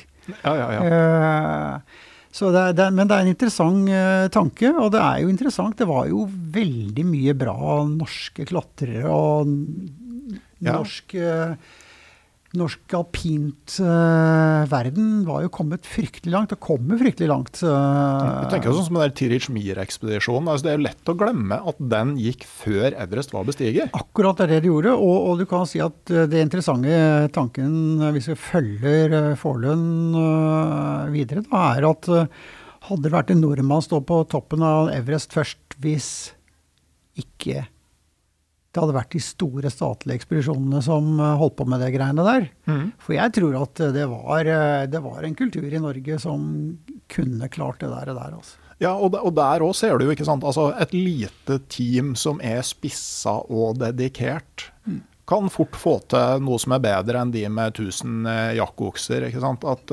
den størrelsen blir på et tidspunkt en hemsko. Mm. Og det, det tror jeg helt klart er uh, er litt av greia. Der var jo, der det norske alpinmiljøet var jo flinke. De var rå klatrere. De var utrolig naturfolk. De, eh, de, de hadde Kunne vinter og snø? Ja, de, de, hadde, de hadde verdier mm. eh, i, i, turene sine som jeg tror engelskmennene kanskje ikke hadde. Det var eh, 'because it's there'. Mm. Er liksom det vi snakker om, er det bare klappe på skulderen, eller er det fordi du elsker å være på høye fjellet? Hvor, hvor ligger det, liksom? Så jeg tror nok det er en interessant eh, tanke å filosofere over uh, hva kunne skjedd. Og jeg syns det kunne vært en nordmann som hadde vært først oppe. Det hadde jo vært kult, det òg. Mm. Ville du hatt uh, nordmann først på Everest eller først på Sydpolen, hvis du kunne velge mellom de to? Jeg ville holdt på Sydpolen, Definitivt. det var bra du sa. Jeg har ingen tvil, faktisk. Men jeg syns jo, jo det, som hadde vært fint ved at vi At da hadde det norske klatremiljøet og den delen stått mye høyere i kurs, da. Det hadde jeg litt, hatt litt sans for. Ja, og Så spørs det hva det hadde ført med seg igjen eh, etterpå, da. Hvor mange som skulle ut og sole seg i glansen av det. Ja, ikke sant. Og så hadde vi måttet ta en helt annen avslutning på siste eventyraften. Ja. ja, for dere samla jo Everest 85-time. Ja. Og det var en ganske sånn stor, klassisk ekspedisjon. De hadde hele fjellet for seg sjøl. Ja, det er jo bare helt uvirkelig. De venta i seks-syv år på å få tillatelse, og når de da fikk det, så var fjellet deres. Og da var ja. de der og måtte bygge ruter og hele greia gjennom brefall og alt sammen sjæl, og var jo veldig deltakende sånn én til én eh, på det. Så det var en utrolig nydelig tur. og vi var jo spente på de gutta. De er blitt voksne, voksne, gutter, men de leverte. Det var så nydelig. Det var ikke én som gikk omtrent på det siste halvannen time hvor de holdt på. De holdt jo på så lenge, for det gikk jo ikke så fort.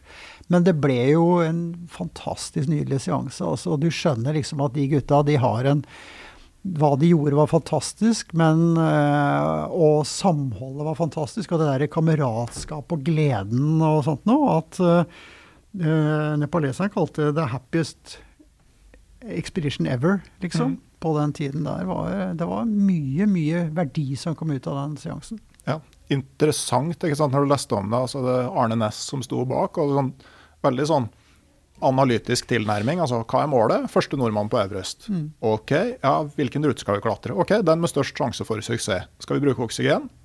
Ja, det er større sjanse for å komme opp gjør det. Vi bruker det. Ja, men det, nå skal jeg slenge en liten en Minnet steinpø på dette her, er at planen til Arne var egentlig å klatre fra begge sider. Oi! Nord og sør samtidig. Og møtes på toppen? Og møtes på toppen. Men så var jo Trango-ulykken, som rev ja. to av de beste klatrerne som skulle vært der, og så ble det gjort. Så jeg hadde en prat med Arne faktisk om det der, at eh, planen var det. Men da de forsvant, så ble det fokus nå på liksom bare keep it simple og keep it there. Ja. OK. Ja, det visste jeg ikke, nei. Og så er det jo før det her så har du hatt den konkurransen da, etter at, etter at Everest er bestiget, så er jo konkurransen om å være først på alle 8000-meterne. Jeg regna på en gang hvor mange 8000 meter hadde vært hvis meterstaven var 101 cm. Og det, det, er i hvert fall et par av dem som forsvinner. Det hadde vært mye enklere, i hvert fall. ja, du, du, slipper jo ikke K2, f.eks. Det, det, det er noen av dem som er så vidt over 8000. Men der, men der har du jo veldig interessant sånn eh, slags eh, kamp om å bli førstemann på alle de 14, med Reinhold Messner og Jerzy Kokoska. Ja. Eh, men det interessante der? Altså, begge to skal først på alle 14. Men det betyr ikke at man velger de enkleste rutene. Altså sånn, Kokoska var det så, han hadde åpna ti nye ruter og klatra fire av fjellene om vinteren. Altså, det er helt, helt rått. Altså Både Messner og han, hva de leverte. Det var liksom stor kreativitet og stor appetitt for ja. uh, det. altså, Nei, det det, jeg syns det er hva de gutta leverte, er helt, ja, altså, helt. Messner som klatrer Everest helt alene i monsunsesongen. Mm. Mm. Uten oksygen. Mm. Så det, det, er liksom Henger ikke på greip et sekund, vet du. Nei. Og jeg, jeg, så en gang, jeg har ikke klart å finne igjen, var noen som hadde ut fra på måte, dødsstatistikken på de her fjellene beregna sannsynligheten for at Messner skulle være i live etter det han har gjort. Og de kom ut med sånn 0,4% eller noe sånt. Uff a meg. Det er det verste. Men, men, samtidig, ikke sant, han er jo antagelig så dyktig klatreteknisk på å vurdere forhold og sånn, at risikoen hans er ikke den samme som gjennomsnittet av de andre klatrerne. Nei, det er, jo, det er, jo, det som er interessant uh, i det vi skal trekke oss litt videre, er jo, er jo det der i det du skal bryte grenser. Det heter seg jo 'learn the rules, then break them'. Ikke sant? Mm. Og i det vi snakker om hele det der eh, Messner-greiene og, og, den biten, så snakker vi om folk som var ufattelig erfarne. Og, og, hadde vært så mye på tur og lest fjellet og naturen og kreftene og alt sammen så mye. Ga seg selv en større, større sjanse til å overleve på, på mange måter. Mm. Det er litt den derre Jeg vet ikke om det var Stenmark eller en golfspiller som uh, sa liksom Holy one, that was a lot of bit of luck. Yes, the more I practice, the more luck I have. Ja. Ikke sant? Og det er litt det vi snakker om her, og det er litt det som det er interessant inn mot Børge også. at eh, Børge har jo hatt den biten at eh, hver gang han har gjort det, så har folk tenkt at eh, ja, ja, nå er alt gjort, liksom. Mm. Og så finner han opp noe nytt, ikke sant? Ja. Noe annet.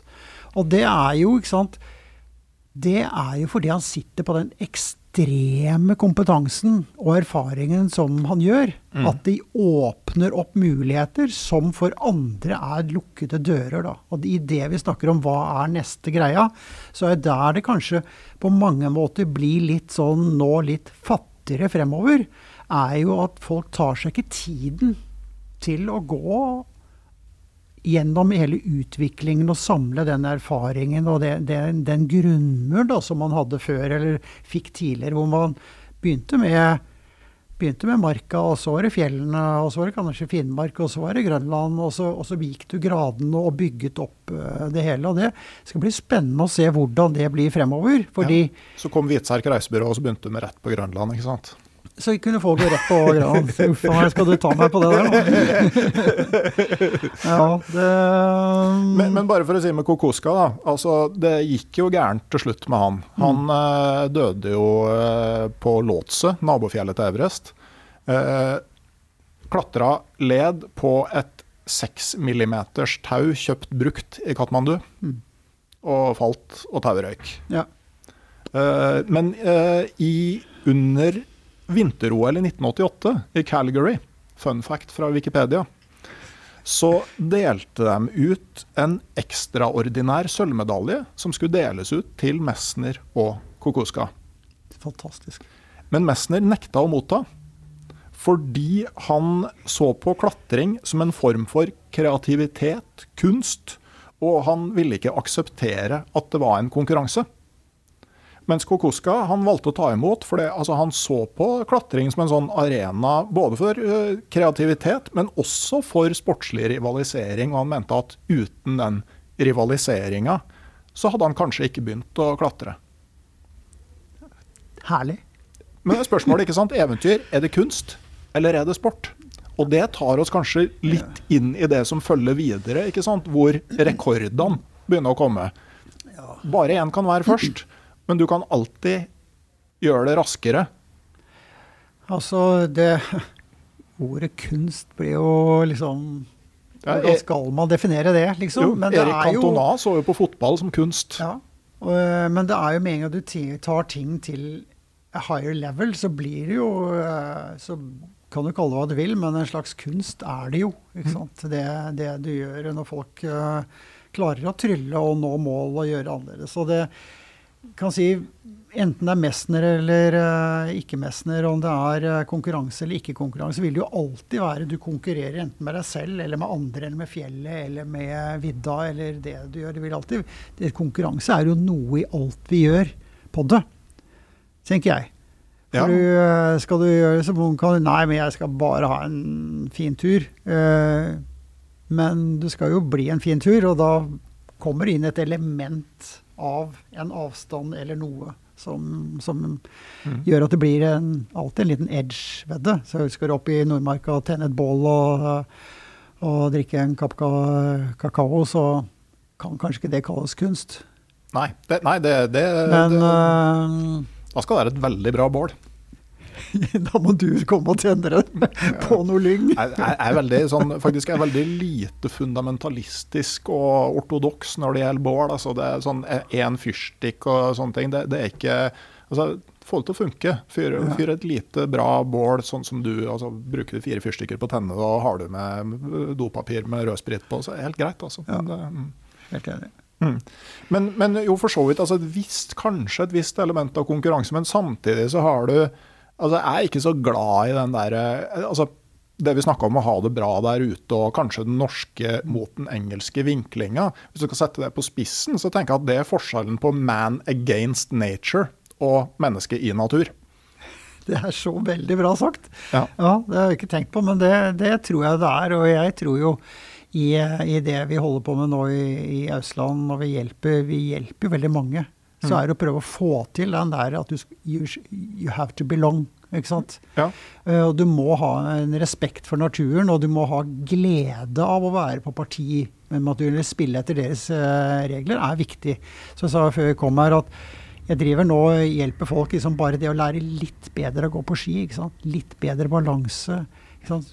Når Ja. du kommer til sastrugene i Antarktis, du bare, hvis du leste alle disse som var der nede nå, så er det liksom Det er så mye sutring over disse her, og det er den verste sesongen på ti år, og det er liksom den verste vinden, og det er de verste sastrugene, og det er helt håpløst alt sammen. Det var jo så bra da Bengt var ekspedisjonsleder, Bengt Rotmo, nede der, og du skal jo ringe inn til det kontrollsenteret hver dag med rapport, alle de ekspedisjonene som er på vei sørover. og de flira sånn når rapporten kom fra Bengt, for det hørtes ut som han var et helt annet sted enn alle de andre ekspedisjonene. Det var liksom, ja, Vi har hatt det så fint og nydelig dag, og nå koser vi oss med middag, og så kom vi fra de andre, så var det liksom nær døden, og det Ja, var det verste stedet på jorda, alle sammen. da. Og det er litt det der vi prøver å få folk til å skjønne at det er liksom sånn, du kan ikke komme og så klage på Antarktis. Nei. Og, og Da må var, du la være å dra. Var den verste sesongen på ti år? Nei, for noe erketøv. Jeg tror faktisk det var en av de bedre sesongene på de siste ti årene. Dette, Mm. dette her. Og når Kar- Karoline eh, klarer å sette en rekord inn, inn der, så har det ikke vært den verste sesongen på, på ti år. Eh, Da hadde du ikke klart det, rett og slett. Det, det blir jo Scott og Amundsen igjen. ikke sant? De går omtrent samtidig, og Scott klager over forholdene hele tida. Amundsen har ikke det noe dårlig vei, det passer egentlig greit å hvile i dag. Mm. Enten Ja. eller så går de ut, og så får de lagt bak seg noen kilometer likevel. Nemlig. Eh, Og det fortsetter jo, hele den der gleden av å være der og lykken av å være der, er jo så fantastisk kraftig at det forbauser meg engelskmennene og andre ikke tar tak i det og prøver å utnytte det bedre. Ja, God, hvis- this is an awful place. Ikke sant? Det, det, husker ikke hvem av de i polititeamet til Scott som, som skriver det i dagboka når de kommer til, de til Sørpolen. Eller Shackle, men det var liksom bare helt uvirkelig. Og det er jo litt det der, husker eh, Johanna, da hun satte rekord til Sydpolen, eh, så eh, snakket jeg med ALE, og så sa de sånn Wow, we get these, uh, these messages from Johanna, and it seems she's on a different continent. We, is it true that is so much better where she is? Og bare nei, det er de andre som har feil hode, ikke sant. Det er det der. Hun bare Å, jettemusli! Så strugen er så vakker! den her Strugen, ikke sant? Og er det, det er jo sånn, ikke sant? hvis du er god til å gå på ski Jeg er jo vokst opp før de preppa løypene, mm. sier litt om hvorfor jeg ser blond ut. Eh, så er jo det at jeg kan jo gå på ski teknisk i, mm. i dårlig terreng. Og når du kommer til Sastrugene, hvis du kan gå på ski, så er det jo ikke noe tregere. Tvert imot, for det er jo mye bedre glid over Sastrugene. Så du kan utnytte øh, alt sammen. Ja. Men hvis du ikke kan det, så er det jo helt mareritt. Mm. Ikke akkurat så igjen ikke sant, med Huntford-boka om Scott Amundsen, hvor han altså, For at det, han ser liksom bare på skiteknikken. ikke sant? Mm. Altså Britene spiller fotball gjennom vinteren i stedet for å lære seg å gå på ski. Ja, De hadde med Trygve Kran for å lære å gå på ski, og de brukte den ikke. Nei, Altså sånn, hvis du klarer 10 eh, lenger uh, glid på, på, hvert steg, da. Så nei, men uh, skal la oss gå Da hadde han vært forbi det siste depotet, vet du. Ja, så det hadde ikke blitt så bra for Amundsen. For det er jo klart at Amundsen var jo den som vant på at Scott gjorde litt dramatikk. Ja, men det hadde jo vært bedre for Amundsen om Scott overlevde. Da hadde han sluppet den rebounden. For det var, altså, Amundsen var jo den store seiereieren helt til de fant Scott. Ja, men uh, det satte det hele godt i perspektiv, da. Ja, men både òg, ikke sant. Mm. Altså det, ja, det, for, det, for det, var jo tydelig ut fra beskrivelsen til Scott og Amundsen at Amundsen måtte ha hatt det mye lettere. Ja, Ingen reflekterte over at de har vært på samme sted til samme tid. Nei. Kanskje, det er kanskje fordel for, fordel for Nansen og fru Scott at uh, det gikk som det gikk. Mm. Men, men, igjen, da. ikke sant? Altså, du, du, gjør unna, du gjør unna 8000-meterne, uh, eh, og så får du Det er jo interessant at du ser det som epoker. Men jeg tror aldri, når du står midt oppi det, så forstår du ikke at du er i en epoke med gitte muligheter. Det er noe som dukker opp etterpå. Jeg ser jo sånn som Ragnar Thorseth med snøscooter til Nordpolen i 1982 store slipp fra Hercules-fly og, og, sånne ting. Mm. Det var noen veldig få år akkurat da hvor det var mulig. Og så kommer ikke sant, eh, Børge og Erling Kagge, og eh, så er det ti år, kanskje 15, fra 1990 til litt ut på 2000-tallet, hvor alt liksom med begge polene blir gjort. Mm. Altså det er førstemann unsupported. Du har uh, du har kryssinga til Rune og Torry, Børge kryss Antarktis, Erling og Liv og ikke sant. Mm. Altså, det er en sånn tiårsperiode hvor alt skjer. Men når du står midt oppi det, så tror jeg ikke helt du forstår det. Nei. Eh, jo, jeg tror faktisk vi skjønte det. For det var, det var så utrolig morsom tid. Ja. Ikke Og, og, det man skjønte, at det var så bra folk som var inne. Altså, man hadde Sjur Mørder, man hadde Børge Ausland, man hadde Rune Gjelnes. Man hadde noen giganter innen dette her som var villige til å gå utover Altså bruke kreativitet, da, og, og tørre å gå for det som ikke hadde vært gjort, og så umulig ut. Det, det og så, så, er det interessant, ikke sant, Sjur som både gjør Sørpolen og Nordpolen med support og med hunder og mm. sånn. For, at, altså, som han, altså, for oss det er det viktigste å gjøre det. Mm. Og så går det bare noen få år, og så mm. kommer noen og så flytter. Ikke sant? Det her, det her gjør vi unsupported. Bare, sånn, det er jo to Du har jo support og assist, som er to sånne begreper, ikke sant? Oh, ja. Ja, og øh, du kan jo kanskje svakt insinuere at noen har konstruert de begrepene for å kunne komme først i en kategori. Ja, ja er, det er dessverre en bransje hvor det med å finne hva som er first, det, mm. der er det jo ingen grense. Der er det snakk om kreativitet og kunst. Ja, men, men, altså, men support det går på hvilke hjelpemidler du har. Hvis du skal være unsupported, så skal du gå uten noe trekkhjelp av dyr eller skiseil. Mm. Eh, assist det går jo på hvorvidt du får etterforsyninger ja. underveis. Ja. Eller uh, depoter. Ev ja. uh, evakueringsassistanse. Ja. Uh, og, og, det betyr at du får en veldig sånn rikholdig bukett av muligheter til å være først, da. Mm. Ja, du, jo, det gjør det. Samtidig så var det jo ganske Det var jo akkurat fordi det var i en tid hvor folk det, Man brukte så voldsomme midler, så det ble en reaksjon på det der å kunne gjøre det for så vidt uh, light and easy og mer elegant enn disse droppene. Og alt fra Eh, fra Stibe og, og, sånt, og så var det jo svære systemer eh, i gang hver gang du skulle gjøre noe. Det var fordi det var så usikkert, og det var så eh, Det var ingen som hadde gjort det. Man gikk virkelig inn i blinde. Altså det måtte til eh, de store greiene. Og så ser man at det gikk.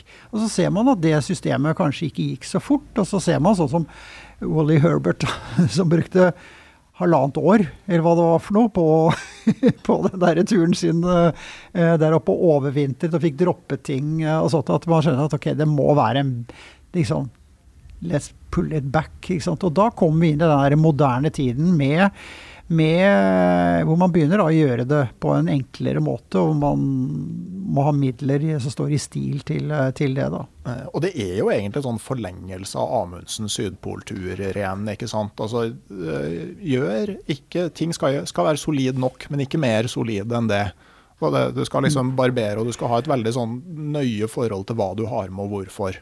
Ja, Altså, du skal veie hver ting, og det er purpose. Alt er purpose. Uh, og du, du, finner gleder på en annen måte. Du finner gleder i at du lykkes på en enkel måte. Du fikk gleder i at dette funker. Du fikk glede i det enkle polarlivet. Du får glede i at du ser at det er deg som menneske som er framdriften og suksessen og, og sånt. Så du trekker hele bildet på oppnåelse inn i sjela di da, på, en, på en ny måte i dette her, med det Børge og Sjur og disse klarte å, å brøyte vei for. Ja. Ja, altså Du var jo ganske tidlig sammen med Odd Harald Hauge og Cato Zahl Pedersen til, til, Sydpolen. Det var jo rett etter uh, Erling? Ja da, det var, eh, det var rett etter, eh, etter Erling. Og det, det, skjedde jo mye da. Liv var jo førstejente bare året etter Erling. Det var jo mhm. ikke store forskjellene der i det, i det hele tatt. Og, eh, og, det var viktig liksom at det var ikke noe sånn begrensning på, på det der, At vi fikk åpnet opp. Det er klart at det var ikke alle som sannsynligvis syntes det var ideelt at vi plutselig hadde en fyr uten armer. Som gikk hele Berkner-ruta. Uh, Nei, det, det, setter jo på en måte andre prestasjoner men, i perspektiv etterpå. Ja, men kan si at alt går jo på vekt, så vi hadde jo en fordel vektmessig, da. ja, og ikke, frøys ikke på fingrene. Nei, det var faktisk noe av det her som var hans store forse. Uh, det var jo på en måte det, det første polare ridderen vi, mm. uh, vi gikk der. Mm. Men det er klart at når vi om morgenen skulle ut på dass, uh, så var jo Odd Harald og jeg var jo da ut ikke sant, og sitter med hendene rundt halsen, og så er det tre tørk og inn. ikke sant, Det går mm. ganske unna. Men Cato var ute i det uendelige, for han satt jo bare med kloa si og frøs jo ikke. Han bare klakk, klakk, klakk og sitte og dreit litt og hadde jo full kontroll på det. Så stoppa vi dopapiren rundt, rundt bivaksokkene hans. Bare trakk han opp. Han, han var ute i ti minutter i kulda der. ikke sant? Det var mm. helt fantastisk. Så det var, det var to tingene som vi var litt engstelige for på forhånd. Viste å være det som var hans største forse. Ja. Nei, til at han var jævlig sterk, da. Ja, øh, jeg husker jo det fra boka, at han liksom øh, klinka til opp noen moter og Ja, da gikk opp Frostbur. Øh, så var de der Pilårene hans var jo skapt for å trekke pulk opp Frostbur. Mm. Så da bare føyk han av sted. Mm. Og det var litt sånn engstelig, for jeg var den eneste som for hadde et forhold til sprekker og sånt. Når jeg så denne fyren uten armer han kunne slå ut med, pile foran oss opp, opp dette jævla skulderbrettet, så var det så skummelt at Børge ikke ville gå dit mer enn én gang. Så på hans ja. andre tur så sa han jeg skal ikke opp Flossbury en gang til. Og jeg tenkte at der, der sprang Gato foran oss. Det var bare sånn, Jeg bare så forsvinne. Vi så da vi sto nede, så så vi jo at det var sprekker, og prøvde liksom å legge en, en linje gjennom det. da. Mm. Ikke bra. Nei, men, men, det kommer jo på en måte altså det, det er, eh, de, de, store utfordringene i polarområdene blir jo på en måte løst sånn i løpet av en 15-årsperiode, mm. egentlig. Det er eh, sånn uh, og, og, så kom jo begynner jeg med hastighet. Og, og, du var jo med i en tidlig sånn Nordpolekspressen. Der var du med, ikke sant? Jo, der var jeg med. Verdens raskeste polkø. Verdens raskeste polkø. eh, kalte vi den. Det var ikke den mest suksessfulle. Det var, var det skiene som eh, Nei, det var alt først så var jo jeg det, Den rekorden som ble stående, var at jeg var raskeste badet i polar sammenheng uh, i historien. Så jeg fikk jo den for så vidt, uten at det er kanskje noe som står på visittkortet mitt. ramla i råk? Ja. Dag én eller to. Ja, Og det var liksom både forfrysning fra råka og forbrenning fra primusen etterpå, ikke det? Jo, heldigvis så satt Tor Sjur der og luktet at det luktet svidd. eh, For jeg kjente jo ikke at det brant eh, lystig av føttene mine. Så jeg kjente jo ikke så mye på, på det da. Men eh, det var mer eh, infeksjonen som gikk i frostskadene, som gjør at jeg måtte bore hull i neglen og, og drenere, som, som ble problemet der, da. Men så var det rett og slett at, eh, at eh, de eh, skiene Da brukte vi jo et utenlandsk merke, ikke Åsnes, som navnet ligner litt på fisk.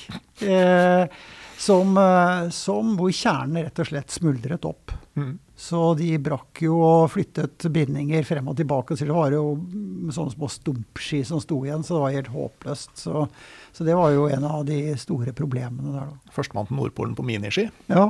Og, det, er- og der oppe så, så kan du si at det er, det er et av de vanskeligste stedene du kan gå, fordi i, i Polhavet så, så du- må alltid være så jævla forsiktig med utstyret ditt. Med Polhavet så må du gønne litt på, ikke sant. Du skal over en råk, du tar eller over en skrue. Du kaster skiene opp og kaster dem ned. Du kan ikke liksom løpe opp og sette ned én og én ski. Det tar for lang tid. Så du må speede opp uh, mye, og da Det, det tålte ikke det utstyret der. Men, men det er jo òg liksom en sånn tidlig bilde på det som kommer etter hvert. For nå er det jo hastighetsrekorder, spesielt til Sørpolen, er jo eh, liksom én ting. Men så har du òg det med, med kombinasjoner. Som eh, Seven Summits er jo liksom på en måte en sånn klassiker da, med høyeste fjellet på hvert kontinent. Eh, og så kommer det jo etter hvert som flere og flere har gjort mer og mer, så kommer jo ikke sant, altså kombinasjonen av Nordpolen, Sørpolen og Everest. Kombinasjonen av Nordpolen, Sørpolen og de 14 8000 meterne. Altså, altså fantasien er uendelig, og, og du kan på en måte alltid finne noe som er ledig. I hvert fall for ditt kjønn, din nasjonalitet. Eh? Eller din funksjonsgrad. Altså det, det, det er liksom, her er det noe til alle. Ja. Eh, og der er det stor kreativitet. Det så vi i Antarktis i år med Preet eh, som, eh, som skulle gå Gå krysse, gå Hercules inn til Sydpolen og så ut, uh, ut på andre siden, og som gikk altfor tregt. Ikke klarte det. Og så kom hun til Sydpolen, hadde ikke sjans til å klare det. Så fortsetter hun å gå, virre liksom mot dette. I all verden, hvorfor bruker hun bare jævla mye penger? Og idet hun da slår leir, så kan eh, teamet hjemme triumferende slå i bordet at hun har verdens lengste unsupported, unassisted eh, skitur. Ikke sant? Ja, for damer. For damer. Ja. Uh, nei totalt? Totalt. Lenger enn Polavsturen til Runa Torre. Ja, de var to. Ah, Hun var alene. sol, solo, ja. Og det er som en rekord, så faen. Finnes den? Ja, ja, nå finnes den. Ikke sant? Det er, Ja, sånn, det er utrolig sånn bare OK. Da, da skjønner vi hvorfor hun fortsatte. Ikke sant? Det kosta Ja. henne sannsynligvis eh, Bare den turen kosta henne så sikkert uh, 200 000-300 000 kroner, minst. Hun kunne jo gått i en, en ring og tilbake til Sørpolen, da. Nei, ja, hun kunne gjort det. Det hadde vel nesten vært, uh, vært bedre. Men jeg begynte å skjønne jo inn mot syvende, begynte å gå jævla sikksakk og en la- jævla omrett. Hva verden har du mista he, Har du klikka helt? Eh, Til Nordpolen med for liten stillongs, den er ikke tatt. Da, vi, da vi eh, skulle med Cato, så var det jo haglet det jo med sjikane vet du, på, på det der. Det begynte jo med at legene på Olympiatoppen sa at eh, det var fysiologisk umulig for Cato å gå til Sydpolen. Det var den dagen vi skulle close kontrakten med hovedsponsor. Det var helt perfekt timing. Eh, og, og så kom jo Skiforening mens vi var dratt, så var det jo, var det jo på Dagsrevyen hvor han sjefen i skiføren ble sagt at ja, hvordan er det, nå skal alle gå til Sydpolen og sånn, skal ikke dere stikke en rute? Jo, vi har lyst til å sette opp TN inn til Sydpolen. Det, det var grov sjikane på alle fronter eh, da, vi, da vi gikk der. Og da vi kom inn, så fant jeg en enhjulssykkel. Og så fikk jeg tak i fikk jeg satt Cato på den hjelmen med pulk bak, og han står der med kloa si, første hand uten armer, på enhjulssykkel til Sydpol, bare for å leke med det greiene der, da. For det var som norska første Janitsjar-orkester kom. Det, det, var jo voldsom sjikane den gangen. Altså. Det var jo ikke noe så enkelt. Det, det er veldig sånn fin pondusstripe på det her. En sånn reporter som står, og det, det, kommer, det er jo en, på, en som kommer på enhjulssykkel, og så er det Team Lumbago, åtte pensjonister med gåstol, og så er det førstemann med elg og badekar. Ikke sant. Helt. helt. Så, men vi må, det tåler vi lett. Ja. Ja. Eh, og så kommer jo òg, ikke sant Altså øh, det, Alle de kombinasjonene her, der kan du òg ta rekorder på å gjøre ting fortest mulig. Ja. Så Førstemann på raskeste på Seven Summits, raskeste på Sørpolen, Nordpolen. Og, og der eh, var det jo en tidlig norsk ekspedisjon med den Fem fjell. Eh, det var Everest-gjengen, så vidt jeg husker, som skulle ta de fem mest tilgjengelige av Seven Summits på fem uker. Ja, det var jo Ivar Tollefsen uh, i et nøtteskall. Uh, han er egentlig en som har fått veldig lite kred og veldig lite sånn stjerne i historiebøkene, egentlig. Sannsynligvis fordi han har gjort det så utrolig bra i etterkant. Da. Men Ivar var jo veldig kreativt tenkende. Mm. Og flyttet jo grenser på alle fronter. Både i Dronning Mauds land med klatringen uh, og med særlig fem fjell, som folk var jo helt stønn at det var gikk an å tenke sånn. Ikke sant? Og det var jo mye sånn Ja, men i all verden, hvordan kan man nyte det? Mm. Eh, når det går så fort, ikke sant. Mm. Da Odd Harald og jeg et par andre gikk eh, Svalbard i 93, eller når det var, fra nord til syd, så gikk vi på 14 dager. Og da, i et, eh, i et foredrag for turistene, så var de bare rasende over at vi hadde skumløpt gjennom så vakker natur. Det var mm. eneste fokus. Men jeg mener naturopplevelse i i tre km i timen eller fire km i timen Nei. Er den veldig forskjellig? Nei, og det er jo som, Jeg har gjort et par episoder med Gry Folge, som går veldig lange turer til fots. og Hun, mm. hun liker jo opplevelsen av å være underveis. Også, for hun har jo eh, klokka på liksom sånn type fire om eh, morgenen, og så ligger hun Først hun gjør, er å slippe ut lufta Nei, hun ligger et halvt minutt og kjenner på hvor godt det er å ligge i soveposen, og så slipper lufta ut av underlaget, og så noen minutter etterpå så er hun i gang. Og så kan hun være i gang og gå helt Gjerne gå sånn der seks mil og 3000 høydemeter i løpet av en dag. Men altså, hun liker det å være underveis. Ja, det, det er et eller annet, for det er et eller annet med det derre når du blander det der målet, være underveis, det fysiske og det mentale, er en utrolig spennende kombinasjon. Hvor det skjer mye, og hvor du får tømt huet, og det bygger seg opp igjen, og du får vinklinger, og du, du skal gjennom forskjellige prosesser. og det, Når du blander det fysiske ordentlig inn i det, så, så blir mange av de prosessene utrolig mye mer spennende. Så jeg, jeg kan ikke se at det er feil. altså. Nei da. Og, og, du ser jo en klar link da, fra Fem fjell til Kristin Hareland òg, med med raskest på de 14 8000-meterne. Ja, det, det, ble jo Nims som startet hele den galoppen virkelig, da. Da han mm. tok sine på 14 eh, på et, et halvår. Mm. Eh, og, eh, og, forandret hele bildet, ja. mm, kan, du, kan, du, si. Så det er jo For Kristin så er det jo å prøve å Ja, at en kvinne gjør det samme. Mm. Som jo er en, en, viktig bit for henne og i, i disse, disse, dager uh, og sånt noe. Så det lykkes eller ikke. Det er jo ikke så lett med visum og sånt. Nå så begynte de å slippe folk i Kina nå, da, men ikke ekspedisjoner. Nei. Så, uh, så, hun må ta det, fordi hun hadde tenkt å klatre disse kinesiske to ganger. Slik at hun får raske til å ta de 14 to ganger istedenfor bare én. Hvor langt ned må du da for å kunne klatre det en gang til? ja, det er, det er vel samme som definerer eh, hvor mye det må være mellom disse toppene for at vi skal telle som topp, tenker jeg. Nei, Det holder jo ikke bare å ned primærfaktoren, vil jeg tro. Det, Vet ikke. Nei, Har ikke peiling. Ikke jeg er ikke så veldig opptatt av, av, det, da. Jeg syns jo det Kristin er en interessant jente, for hun er uh, ærlig, og hun uh, Jeg syns hun har en fin inngang eh, på det. Hun er veldig tydelig på det at det er en jenteting eh, på det. Og hun er tydelig på at hun syns at jenter eh, ikke prioriteres når det gjelder utstyr og Gjerne sponsorer og hele pakka rundt det. Så hun setter fingeren på en del, en del bra, bra, ting eh, her. og som vel går hånd i hånd med at jentene fikk hoppe i Vikersund og sånt. Så det er liksom en, en mm. greie her som jeg syns er fin i vår tid, hvor, hvor kampen står på en, på en veldig ålreit måte, da. Mm. Uh, det, det, de gjør. Og så syns jeg det er jo et par interessante ting ved det Kristin gjør, fordi hun har jo ikke 100 skjerper som bærer alt inn for seg og setter opp alle teltene og smelter alt vannet og sånt noe. Hun gjør det sjæl. Mm. Og hun holder tritt med disse gutta.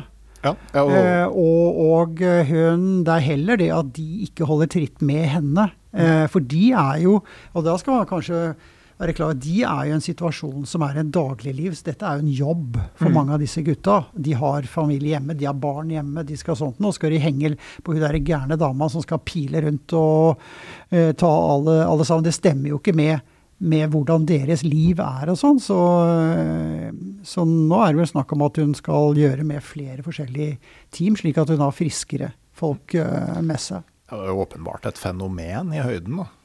Jeg, jeg, jeg, hadde håpet å få henne på en tur og tøys og diskutert disse tingene med henne. Mm. Eh, fordi hvor, hvor, kommer Kristin Harila fra? Mm. Altså eh, Finnmark. Mm. Det høres ikke ut som Kumbu. Nei. I dalen. Eh, men så er det en jente som, eh, som da, ut fra at hun har klatret Everest og Lotse, finner ut at faen, jeg kan jo ta nå sa det igjen. Jeg bannet igjen, jeg. Ja. Klipper det bort? Kanskje. Eh, søren.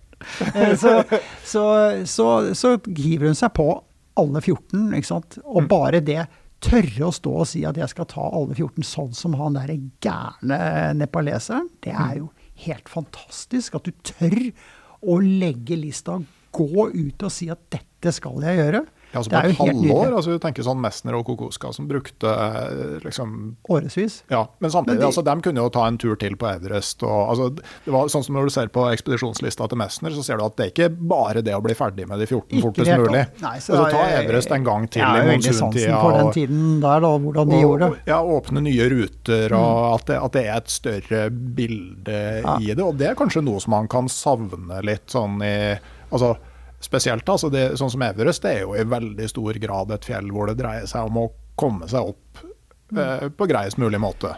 Ja, men det, det, som jo er for hennes greie, da, det er jo at du skal gjøre det så raskt etter hverandre. ikke sant? Så, mm. og, og, det er jo litt der det ligger med Kristin. Eh, evnen til restitusjon. Eh, evnen til å levere fysisk. Hun er liten, hun er lett, hun er sterk, mm. eh, og hun restituerer. Og jeg tror det kommer fra at hun er jo en langrennsjente. ikke sant? Fra hun var liten, så gikk hun konkurranse lik tusener på tusener kilometer på ski. Og er det ting man vet, så er at langrenn er det en av de idrettene hvor du bruker mer muskelmasse mm. enn nesten noe annen idrett i verden. Og det betyr at, Der og svømming. Der og svømming, Ja, men faktisk ligger motorcross foran begge deler. Oh, ja. Og, og, og, og, det er jo også fordi da trenes kroppen opp til eh, til bruk av oksygen. ikke sant? Det skjer noe mm. annet i din forståelse, kroppens forståelse av oksygen. Og det gjør jo at du har som regel veldig god lungekapasitet og O2-opptak når du er langrennsløper. Du har mm. sett eh, disse målene til Dæhlie i gamle dager og sånt, som er helt fantastisk. Og det i tillegg til at du også som langrennsløper, når du da går deg alle muskelgrupper tomme, så lærer kroppen seg også restitusjon. ikke Mm. Så er du god på restitusjon, så er du en god langrennsløper. Petter Northug sa jo liksom 'hvorfor er du bedre enn alle?' Det er mange som deler like med. Ja, men jeg er mye latere, jeg er mye bedre til å sove og slappe av. Mm. Ikke sant? Og det er jo der det ligger. Og det hadde jeg en prat med Kristin på hvordan nå skal prøve å gjøre det uten oksygen. Hvordan klarer hun å legge nok restitusjon? Ikke sant? Og det er litt av det som surrer opp i hodet hennes nå. Hvordan klarer hun å få bedre restitusjon og, og, og sånt. For hun sier kommer til Beaver Space Camp, så er så er hun jo stjerne. Alle er på, det er så sosialt, det er så mye mennesker der. sånn, Hvordan klarer du å stenge deg ute og bare ligge i fosterstilling og sove, liksom? Mm. Ja. Men, men, det er jo liksom litt der vi er nå, da. Mm. Altså, dit har vi kommet. Mm. Eh, sånn eh, I forhold til den norske Everest-ekspedisjonen i 85, som var på Dagsrevyen og eh, sånn, eh, for å komme dit, så er det nå Eh, nå er det Frank Løke som eh, bestiger Everest, og som, eh, altså for å nå helt fram i nyhetsbildet, så er det 14 8000 meter på et halvår. Hva slags andre arenaer ser du for dagens eventyrere? Altså, du har jo nevnt sant, det at du kan få et hierarki, da, hvor, du, hvor mer vanlige folk kan gjøre de skal vi kalle det, normale ekspedisjonene for et mer sånn middelpublikum. Eh, men hvor pusher vi grensene? Det, det, er det jeg er veldig spent på. For jeg er veldig usikker på om, når jeg ser meg rundt i dag, er det noen som har, har erfaringen og bygget seg opp plattformen til å kunne være kreativ eller kunstnerisk, da. Mm. Eh, det, det, er vanskelig å se. I, i, I, vår sfære så er det vel kanskje Vincent Couliard og, og Caroline mm. Coates, som, som, viser de største tegn til både å ha gått hele veien, liksom, mm. vært mye på tur, lært seg det, vært overalt, og som er villig til å legge alt i skåla. Ja. Liksom og, og, gjøre ting så er det mulig. Sånn som Svalbardturen deres er et typisk eksempel. Folk er fornøyde, med å gå nord til syd og hente seg scooter der de kan. og sånt, og De gikk fra Longyearbyen helt opp, helt ned og helt opp, liksom. Mm. Innen på vinteren. Og, og det er liksom sånn Tørre å gjøre det og ha tro på at du klarer å gjennomføre det, er, det er det få som er i det sjiktet i dag. Og så må du jo samtidig være den entreprenøren. Det er det du må. Mm. Det det du, du, må være i stand til å, til å, løse det fysisk, logistikkmessig og mentalt. Mm. Men så må du også komme deg til start. Ja, Du må også ha et kommersielt innblikk. ikke sant? Det er, det, det er jo ingen som Altså, du må ha hele pakka. Mm. Alle sier at det er så veldig vanskelig, og jeg er sykepleier, eller jeg er ditt og datt, og stakkars meg, jeg får ikke tak i sponsor og noe. Det går på idépakka di, det går på hvem du er, det går på hva du vil. Uh, og sånt. Alle kan gjøre det hvis du bare har en god nok pakke kommersielt, så er du interessant. Så du må liksom ha den evnen til å kunne snakke, til å engasjere, til å få folk med deg. Og, så det er utrolig komplekst. Og det er det kanskje ikke folk skjønner. altså Hvis du nå setter deg et stort mål, så, så er det som jeg pleier å si, at det er som du går fra folkeskolen og rett på en masteroppgave. ikke sant? Ja. Fordi det er så mange greier. For det er liksom ikke bare at du skal gå dit og trekke litt dekk og sånt, du skal kunne detaljene, du skal kunne det tekniske, du skal kunne reparere, du skal kunne medisin, du skal ha forståelse av leseterreng, du skal kunne naturen, du skal eh, eh, trekke sponsor, du skal holde foredrag, du skal lage gode foredrag, du skal kunne engasjere mennesker, du skal kunne snakke med pressen. du skal, Det er så utrolig. Det er hele markedshjulet du må mm. kunne, eller ekspedisjonshjulet, du må kunne for å komme i den posisjonen. Veldig, veldig få er det i dag. Og, og, det er noen som jeg syns har potensial, men om de er villige til å gå den veien, det er jeg veldig usikker på. Mm. Nei, og så, så er det jo klart Innafor et sånn team altså du kan, du, Alle trenger ikke å kunne alt, men du må liksom innafor teamet kunne dekke hele, hele spekteret der. Mm, mm. Det, det, er jo, ja, det er alltid et samarbeid. Ingen solotur er en solotur 100% Altså Er det noe som den norske polare verden har vært flink til, så er det jo å samarbeide. Mm. Eh, vi trenger ikke like hverandre alle sammen, men det er ingen som ikke plukker opp telefonen og diskuterer med Børge eller Sjur eller Christian Eide eller Inge Meløy eller Rune Gjelnes eller noe sånt noe om ting og hva de tror, og, og kaste, kan kaste ball med alle.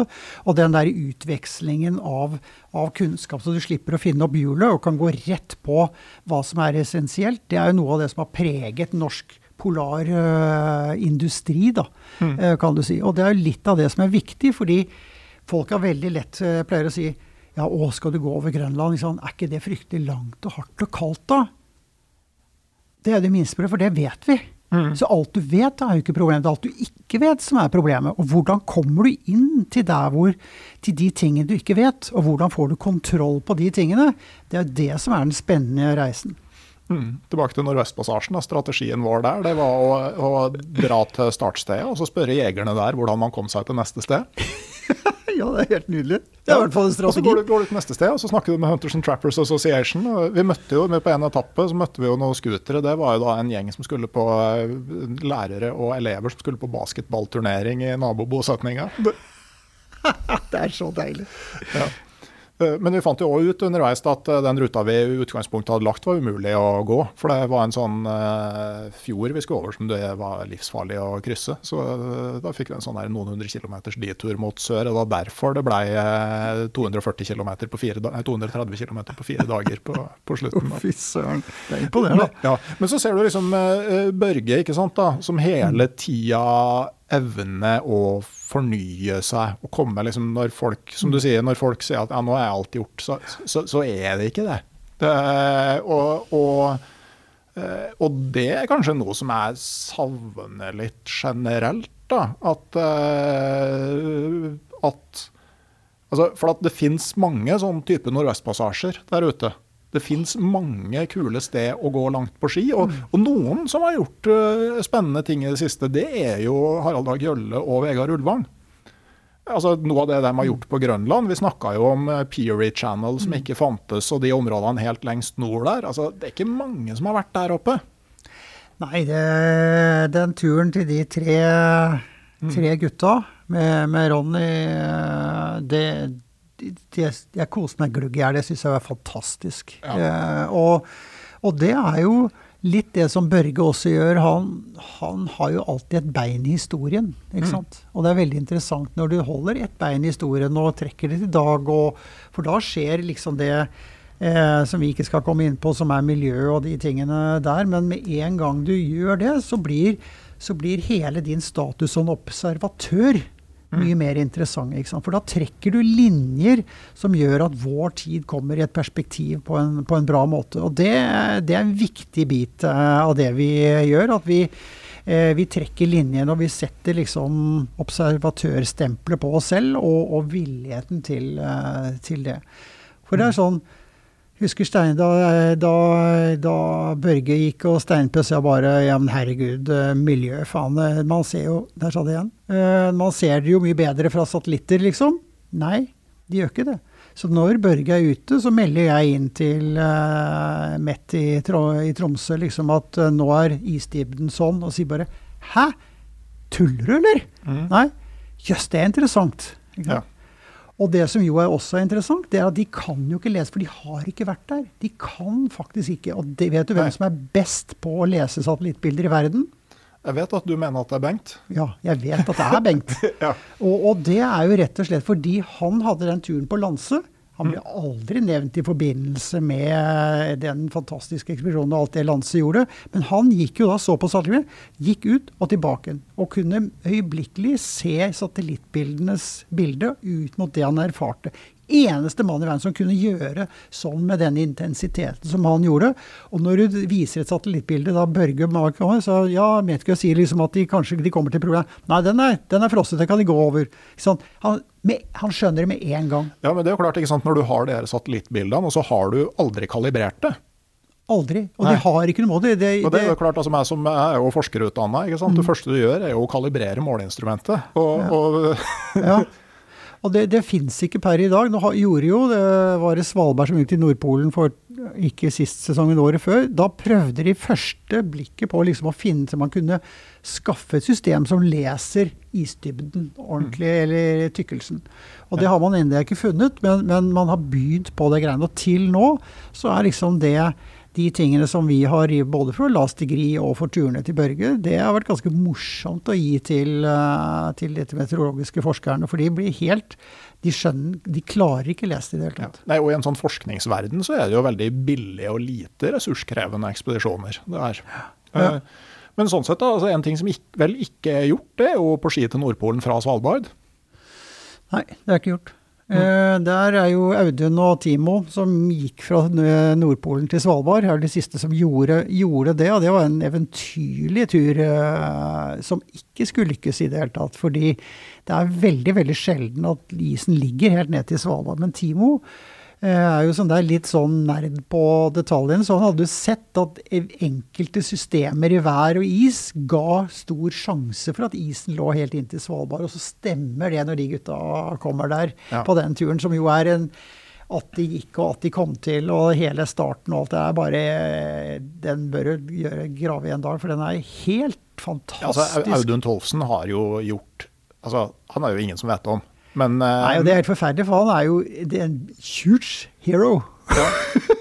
Virkelig, altså. jeg tror vi var russ samtidig på Lillehammer. Ja, Ja. ja. Da, så, så, så du kan si at det er jo ingen som har gått den, eh, den veien eh, fra, Nei, fra Svalbard ut. Det viser jo bare at det er mulig, og den der, det som han var med på med å drive over Polhavet på en luftputebåt og, altså, Du kan jo tenke litt videre sånn. Altså, Det var nok en tur hvor jeg gikk helt på trynet og trodde det kan aldri gå. Også, jeg var så imponert. Jeg syns det var så moro. Fader Ja, land. og, og så er det noe vi skal huske på, ikke sant, at det er alltid tøffere å være den første som gjør noe. Altså, før man på en måte vet om det går. Ja. Det er en kjempebarriere. og Det er ser du på, på, sånn som på friidrett f.eks.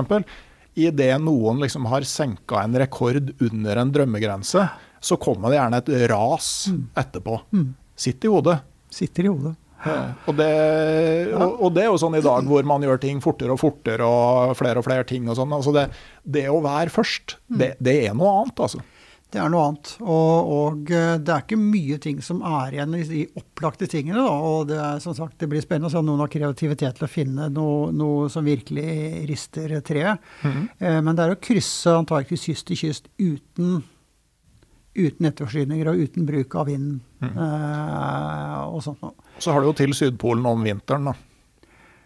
Ja, den, eh, den skal det, det er litt morsomt at du sier, fordi Sjur og jeg planla Sydpolen på vinteren. Og, og hva, du kan si hva er drivkraften, men litt av vår drivkraft var å banke på der inne. Sånn. Hei, kan vi få slippe inn, eller? Men, men, Uten at de visste det. men, ja, men da er jo liksom type altså, Da snakker du om ei kulde av en helt annen verden. Da snakker du om en kulde av en helt uh, grunn til at Amundsen snudde Ja. eh, på den turen, Ja, for, for, sin. så, Eh, Kulderekorden, er ikke den sånn noen og 80? Ja, det er nesten Er den 89 eller Ja, ja, ja, ja. 90 grader minus 90 eller noe, så det er fryktelig kaldt. Ja, og det, det er jo, Eh. altså, Da er det nesten umulig å overleve, spør du meg. da. Det er nok fryktelig vrient uh, å overleve. Så kan du si at uh, det er jo litt litt sånn at jeg begynte å se inn på når på året er det det er den verste kulda. Mm. Og det vet du sikkert når du er ute i naturen, så er det jo ikke midt på natten. Det er det kaldest. Det er er gjerne på morgenen. morgenen at, eh, at det er, eh, er kaldest. Når de røde og blå strålene kommer inn på riktig tid i forhold til hverandre. At du får eh, droppen av temperatur før det kommer seg opp igjen. Og det syns jeg husker at jeg så der inne også, at du hadde liksom et vindu eh, som, eh, som kunne være eh, levelig. Problemet er at i, med Antarktistraktatet så er det sånn at vi, de du bringer inn, må du bringe ut. Og det er ganske strengt, så du måtte seile inn og gå fra kysten. Og sannsynligvis passe på at du hadde gravd ned noe hemmelig mat på, på Sydpolpunktet og sånt noe, fordi ingen ville hatt noe med deg å gjøre i det hele tatt. Uh, og de ville jo blitt helt fortvilet. Plutselig sto to mann og banket på der inne. Og vi drev og planla såpass at vi så for at vi gikk inni en sånn slags vinge. Ja. Så at vi gikk på ski inni en sånn eh, vingeformet greie eh, for å få beskyttelse mot vind og, eh, og kunne ha fremdrift på, på vindfulle dager. Da. Så det var eh, selvfølgelig bare fantasi, og hadde vært fryktelig vanskelig å få til. eh, få til. Mm. Ja. Men det som er, er å gå tver kyst til kyst uten noen ting. Cecilie Ryan gikk jo fra midten av Berkner og ned eh, der som to, og, og eh, Henry døde jo på sitt forsøk på å få det til. Og okay.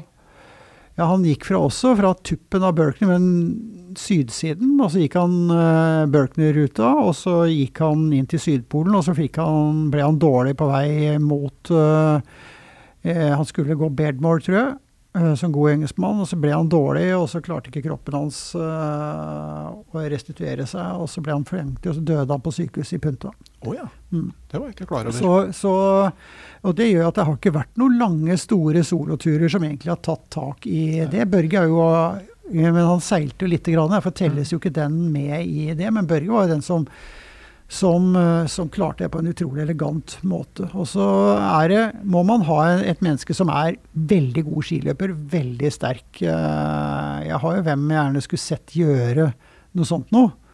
Eh, Jeg tenker sånn, skulle gjerne knocka av noen år av, AK og så sende inn på de greiene der, det hadde vært fantastisk. Ja, AK det var en av de som gikk nå. nettopp. Ja. AK Kløkk. Eh, og det er jo det er jo også morsomt med den turen der. Det var urgutter som gikk, ikke sant. Det er Mm. bare Foredraget må du få med deg. Det er det, er det nydeligste foredraget. Det er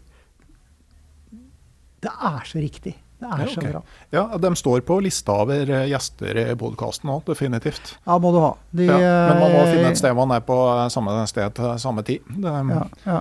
Eh, Men, eh, men det, det, det er jo Altså, det er muligheter, men, men da må du Altså, du, du må gjøre litt mer enn å melde deg på en grønlandstur. Altså, du må eh, begynne å Altså, bare det å lese polarhistorie, ikke sant. Altså, eh, ideer oppstår ikke i et vakuum. Nei.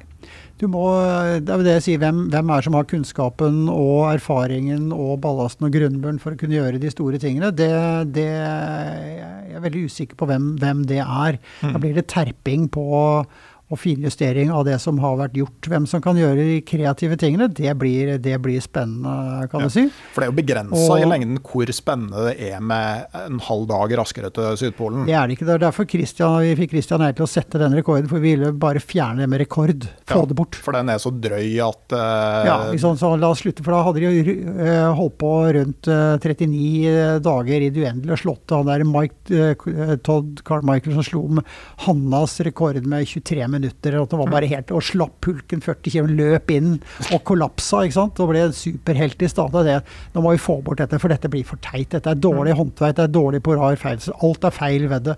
Og så gikk Christian på 24, eller hva det var for noe. ja, da er, Um, og så tenker jeg, nå, nå er det borte. Ja. Men det er, alle har jo prøvd siden, da. Så det er, det er, folk har jo prøvd og prøvd og prøvd. Mm. Men ingen klarer jo å komme i nærheten. ned i nærheten. Nei, men for å liksom sånn begynne å nærme seg en avrunding her, da. For at, uh, det er jo sånn eh, Ingstad-sitat som, eh, som stammer fra et, uh, en sånn samtale som en kompis av meg hadde fra Ingstad, faktisk. Uh, og det går som her.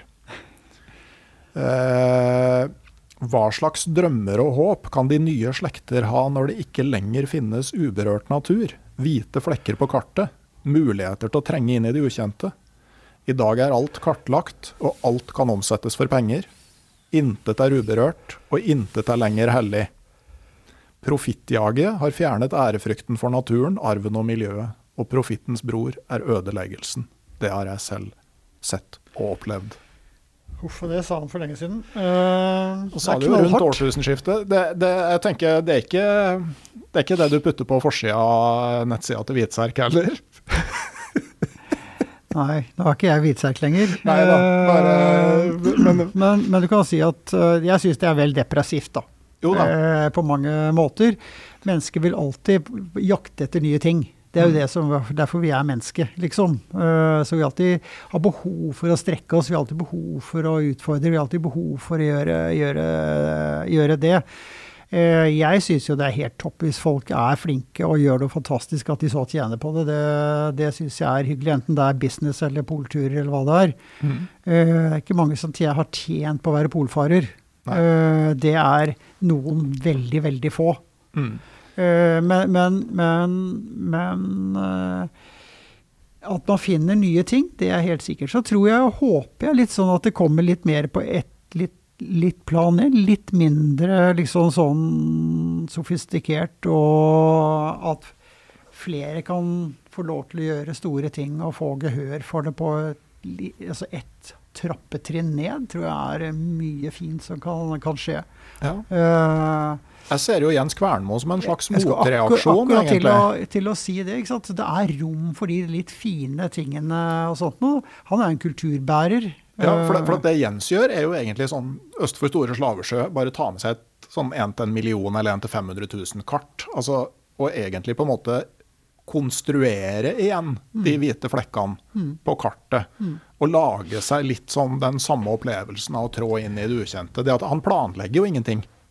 Og det, det er veldig Og jeg tror vi vil se en del sånne ting eh, hvor det er rom for sånne ting. Da. Jeg tror Jens gjør en veldig viktig jobb på liksom å åpne opp for at det må ikke være ett punkt, én høyde, én rekord, én sånn ting. Det er mye mer som ligger i denne, denne sfæren her. Da er han fantastisk viktig. Og det er jo for så vidt også arven etter Ringstad, ikke sant? For at han kom jo etter Nansen Etter Amundsen, etter Sverdrup. Ja. Og, og det var liksom opplevelsen og eventyret og den personlige reisa Mm. mer enn målet. Og ikke sant, Jeg syns sitatet er kanskje vel sånn eh, depressivt, men det det sier noe om, da, som jeg også diskuterte med Stein P i en tidligere episode, er det der med at ikke sant, Stein vokste opp og er født ikke så veldig mange år etter at Ingstad kom tilbake fra Canada, hvor det var hvite flekker på kartet. Eh, og har på en måte det forholdet til Ingstad. De som er unge i dag, de vokste opp ikke så veldig lenge etter at Stein-P var på Everest som den eneste ekspedisjonen. Og der igjen tenker jeg at det er først i ettertid at du ser hva som er unikt med din tid, og hvilke muligheter du har som andre ikke har seinere. Ja, det er klart at det finnes jo fremdeles hvite flekker rundt omkring i, i verden. Det finnes jo klart muligheter for uh, På Grønland det er jo mye ubesteget og mye ugjort og urørt uh, og sånt noe. Og det er ting i Antarktis som er urørt. Det er bare så utrolig dyre, dyre ting. Men det er muligheter for alt, eh, alt dette, dette her. Og, Det er vel sagt, også ubestegne 7000 meter? Så uh, der er det en mulighet. Det er mange muligheter. Det er masse muligheter. Og, eh, men liksom, jeg håper vi får eh, Det vil alltid komme noe spennende. Det er det ene som er helt sikkert. Fordi det, folk sitter hjemme og kokulerer på et eller annet. Og det, bare det Kristin gjør, syns jeg er jo fantastisk. Det har jo sett et fokus på, på mange ting, bare det hun gjør. Det er jo kjempe like det like like, så er det jo alltid spenning eh, ved det. Og det er i hvert fall ikke feigt. Nei, det er bra sikkert. Men eh, jeg tenker når alt kommer til alt, altså vi starter med å lese Nansen, Amundsen, Snorre, om dem som dro ut på de store turene den gang Sapiens fortsatt kunne dra ut i det ukjente. Og så oppsøker jo vi på et vis den samme følelsen. Altså du på et vis følger Amundsen til Sørpolen, jeg følger gjennom Nordøstpassasjen. Er det vi driver med egentlig en veldig dyr versjon av barndommens rollelek? Ja, gjerne.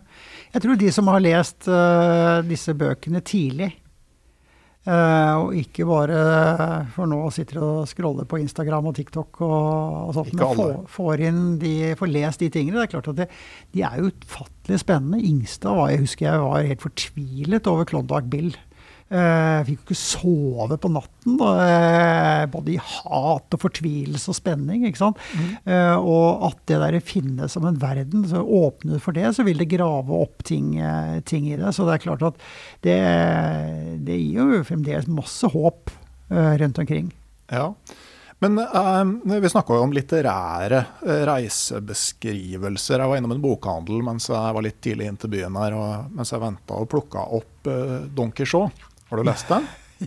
ja, det er lenge siden. Jeg har ikke det, men altså, hør, på, hør på vaskeseddelen der. En fattig spansk lavadelsmann forleser seg på sin tids populære ridderromaner i en slik grad at han fullstendig mister evnen til å skille mellom diktning og virkelighet. Han bestemmer seg for å bli ridder og tar navnet Don Quijote, ridderen av den bedrøvelige skikkelse. Han velger en av landsbyens bønder, Sancho Panza, som sin væpner. Sammen drar de ut for å bekjempe verdens ondskap, verne om de svake og ikke minst om de skjønne kvinner. Slik en sann ridder skal. Etter mange prøvelser, både for den forvridde ridder og ikke minst for hans arme væpner Sancho Panza, må likevel Quijote se virkeligheten i øynene og forlate illusjonens verden. Er det, er det min navnebror eh, Ran, sir Randolph Fiends og hans uh, makker? ja, sannsynligvis. oi, oi, oi. Den åpner for en ny podkast. Uh, det der ja. Er det liksom sånn For, for at det der post expedition blues, det har vi jo Altså alle som har vært på langturer, kjenner jo på tomheten etterpå. Og er det òg litt eh, det at på en måte livsløgnen stirrer tilbake på det? Altså det var ingenting der. Eh, oi, oi. Ja, den, den, er, den er interessant. Eh, først så er det ganske god grunn for at man begynner å snakke om neste tur før turen er ferdig. Mm. Den er jo for å demme opp for det greiene der. For har du et nytt mål og en ny drøm, og sånt nå, så er det en veldig fin greie inn i den tomheten uh, der. Den andre tingen er at folk tror liksom det er litt sånn som å få nirvana. plutselig kommer det noe, eller en engel eller en ånd ned i det og treffer deg og sånt. Det er jo ikke sånn det skjer, ikke sant. Eh, Erik Bertrand Larsen sa jo at, eh, til meg liksom at Sydpolen hadde trodd at det skulle være en finere tur. Sier jeg Erik, det er jo ikke fint å trekke et flygel gjennom snøen på, i 1400 km. Det kan ikke bli fint. Det er ikke fint før etterpå. For det er når du, alt du gjør der ute, du får satt det inn i et system. For det er ingenting å sammenligne med. Du kan nesten ikke sammenligne dag for dag, snø for snø, time for time. Det er ingenting. Det er bare du er i en flytgreie. Men alt det du lærer om deg selv, om teknikkene, om det mentale, om det fysiske, om alt det når du kommer hjem, så begynner dette å komme i et system. Så hvis du ikke klarer å få med deg den transiten der, så blir det jo, blir det jo tomt. Mm. De, for de fleste kommer du igjen, men du må, ikke, du må ikke tro at du ser lyset raskt. Altså. Du får uh, uh, Nirvana kommer, det tar tid. Det er syv ganger det må gjenfødes. Så det er mulig. Det er mulig. Ja, så det, det, du bør ha litt is i magen på akkurat det der. Og Hvis du kaller det for til tomhet, så tenker jeg den tomheten er ganske bra. Du har godt av tomhet. Vi har godt av å kjede hverandre. Vi har godt av å gå inn i tomme, tomme områder hvor vi er nødt til å tvile og kjenne på det og finne frem og sånt. Og det er fantastisk. Hmm. Hva blir din eh, neste ekspedisjon, Lars? Det tør jeg ikke si. Nei. Men jeg er klar. Ok. Så du tør ikke å gjøre som Kristin Harila, si høyt og tydelig hva du skal gjøre? Jeg skal gjøre det når det kommer. Nei, det, jo, det jeg kan for så vidt si det. Jeg har lyst på Snowman's Track i Buton. Ok. Hmm. Det høres spennende ut. Kan du fortelle om den? Nei. Nei. Hmm. Litt, noen hemmeligheter skal man ha. Nei, men det er, eh, det er mer sammen med en kompis at jeg begynte å grave i det. Ja. Eh, at vi har lyst på det. Jeg har vært i Bhutan, og jeg syns det var et av de største, mest fantastiske tingene jeg har gjort. Uh, å være der. Eller landene jeg har opplevd, selv om det er fryktelig lenge siden. Og så, og så er det noe med at det er en Den henger litt høyt og er litt vanskelig å få til. Og, og sånt. Om den er egnet for mannen i min alder, det, det skal jeg finne ut av. Mm. Mm. Spennende. Da gjenstår det bare ett punkt på spørsmålslista mi, og det før jeg tar det, så skal jeg bare si at det her har vært sykt moro. Jeg har storkost meg. I liksom. Ja. Men jeg slutter jo som vanlig med å spørre, da. Og her spør vi jo meg, er jo en mann som virkelig har sett verden. Hvis du ikke skulle sitte her nå og høre på støyen fra ei gate i Oslo en dag i slutten av mars, hvor i hele den vide verden ville du helst ha vært akkurat nå?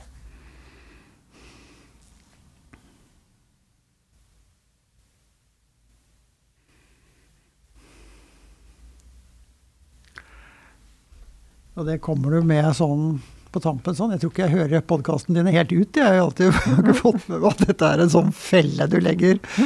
Uh, i, uh, I utgangspunktet så for meg så er liksom de store ekspedisjonene de, jeg, de er ferdig med. Jeg har holdt på i 35 år og er fantastisk heldig og føler meg lykkelig fornøyd. Og jeg syns det er fantastisk å hjelpe folk på, på, nye turer. For meg nå så er liksom eh, kajakk på høsten på Sørlandet når alle vi Oslo-folk har stukket av og det er eh, klart vann og stille og sånt nå, er fantastisk glede. Det er fantastisk glede å være på fjellet utenom de store og gå på Hallingskarvet. Hallingskarvet for meg er, er, liksom der jeg kvessa meg, på en måte. Jeg hadde alltid turer eh, før jeg fikk sertifikat, kjøre opp på fjellet i mai. På med tynneste skiene jeg turte.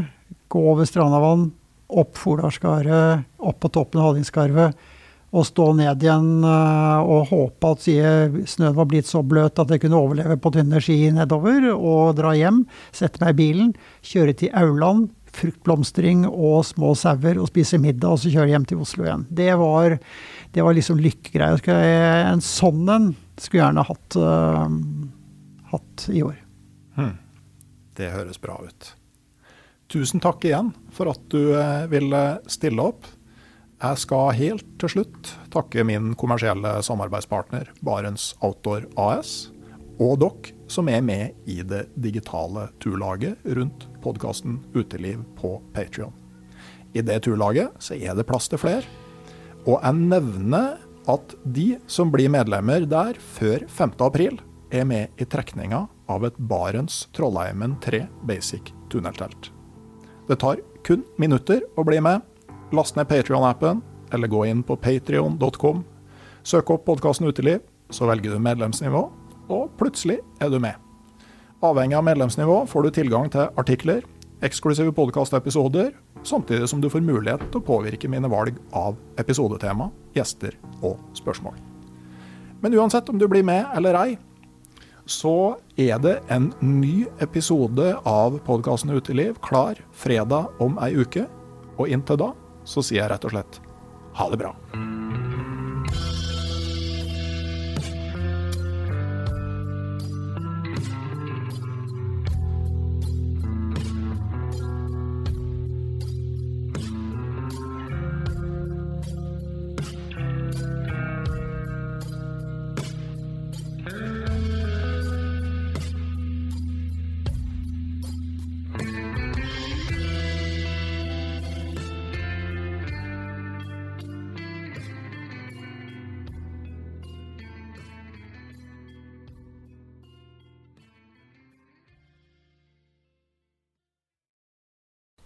Hei, jeg heter Nore Helligsen og er daglig leder i Barents Outdoor.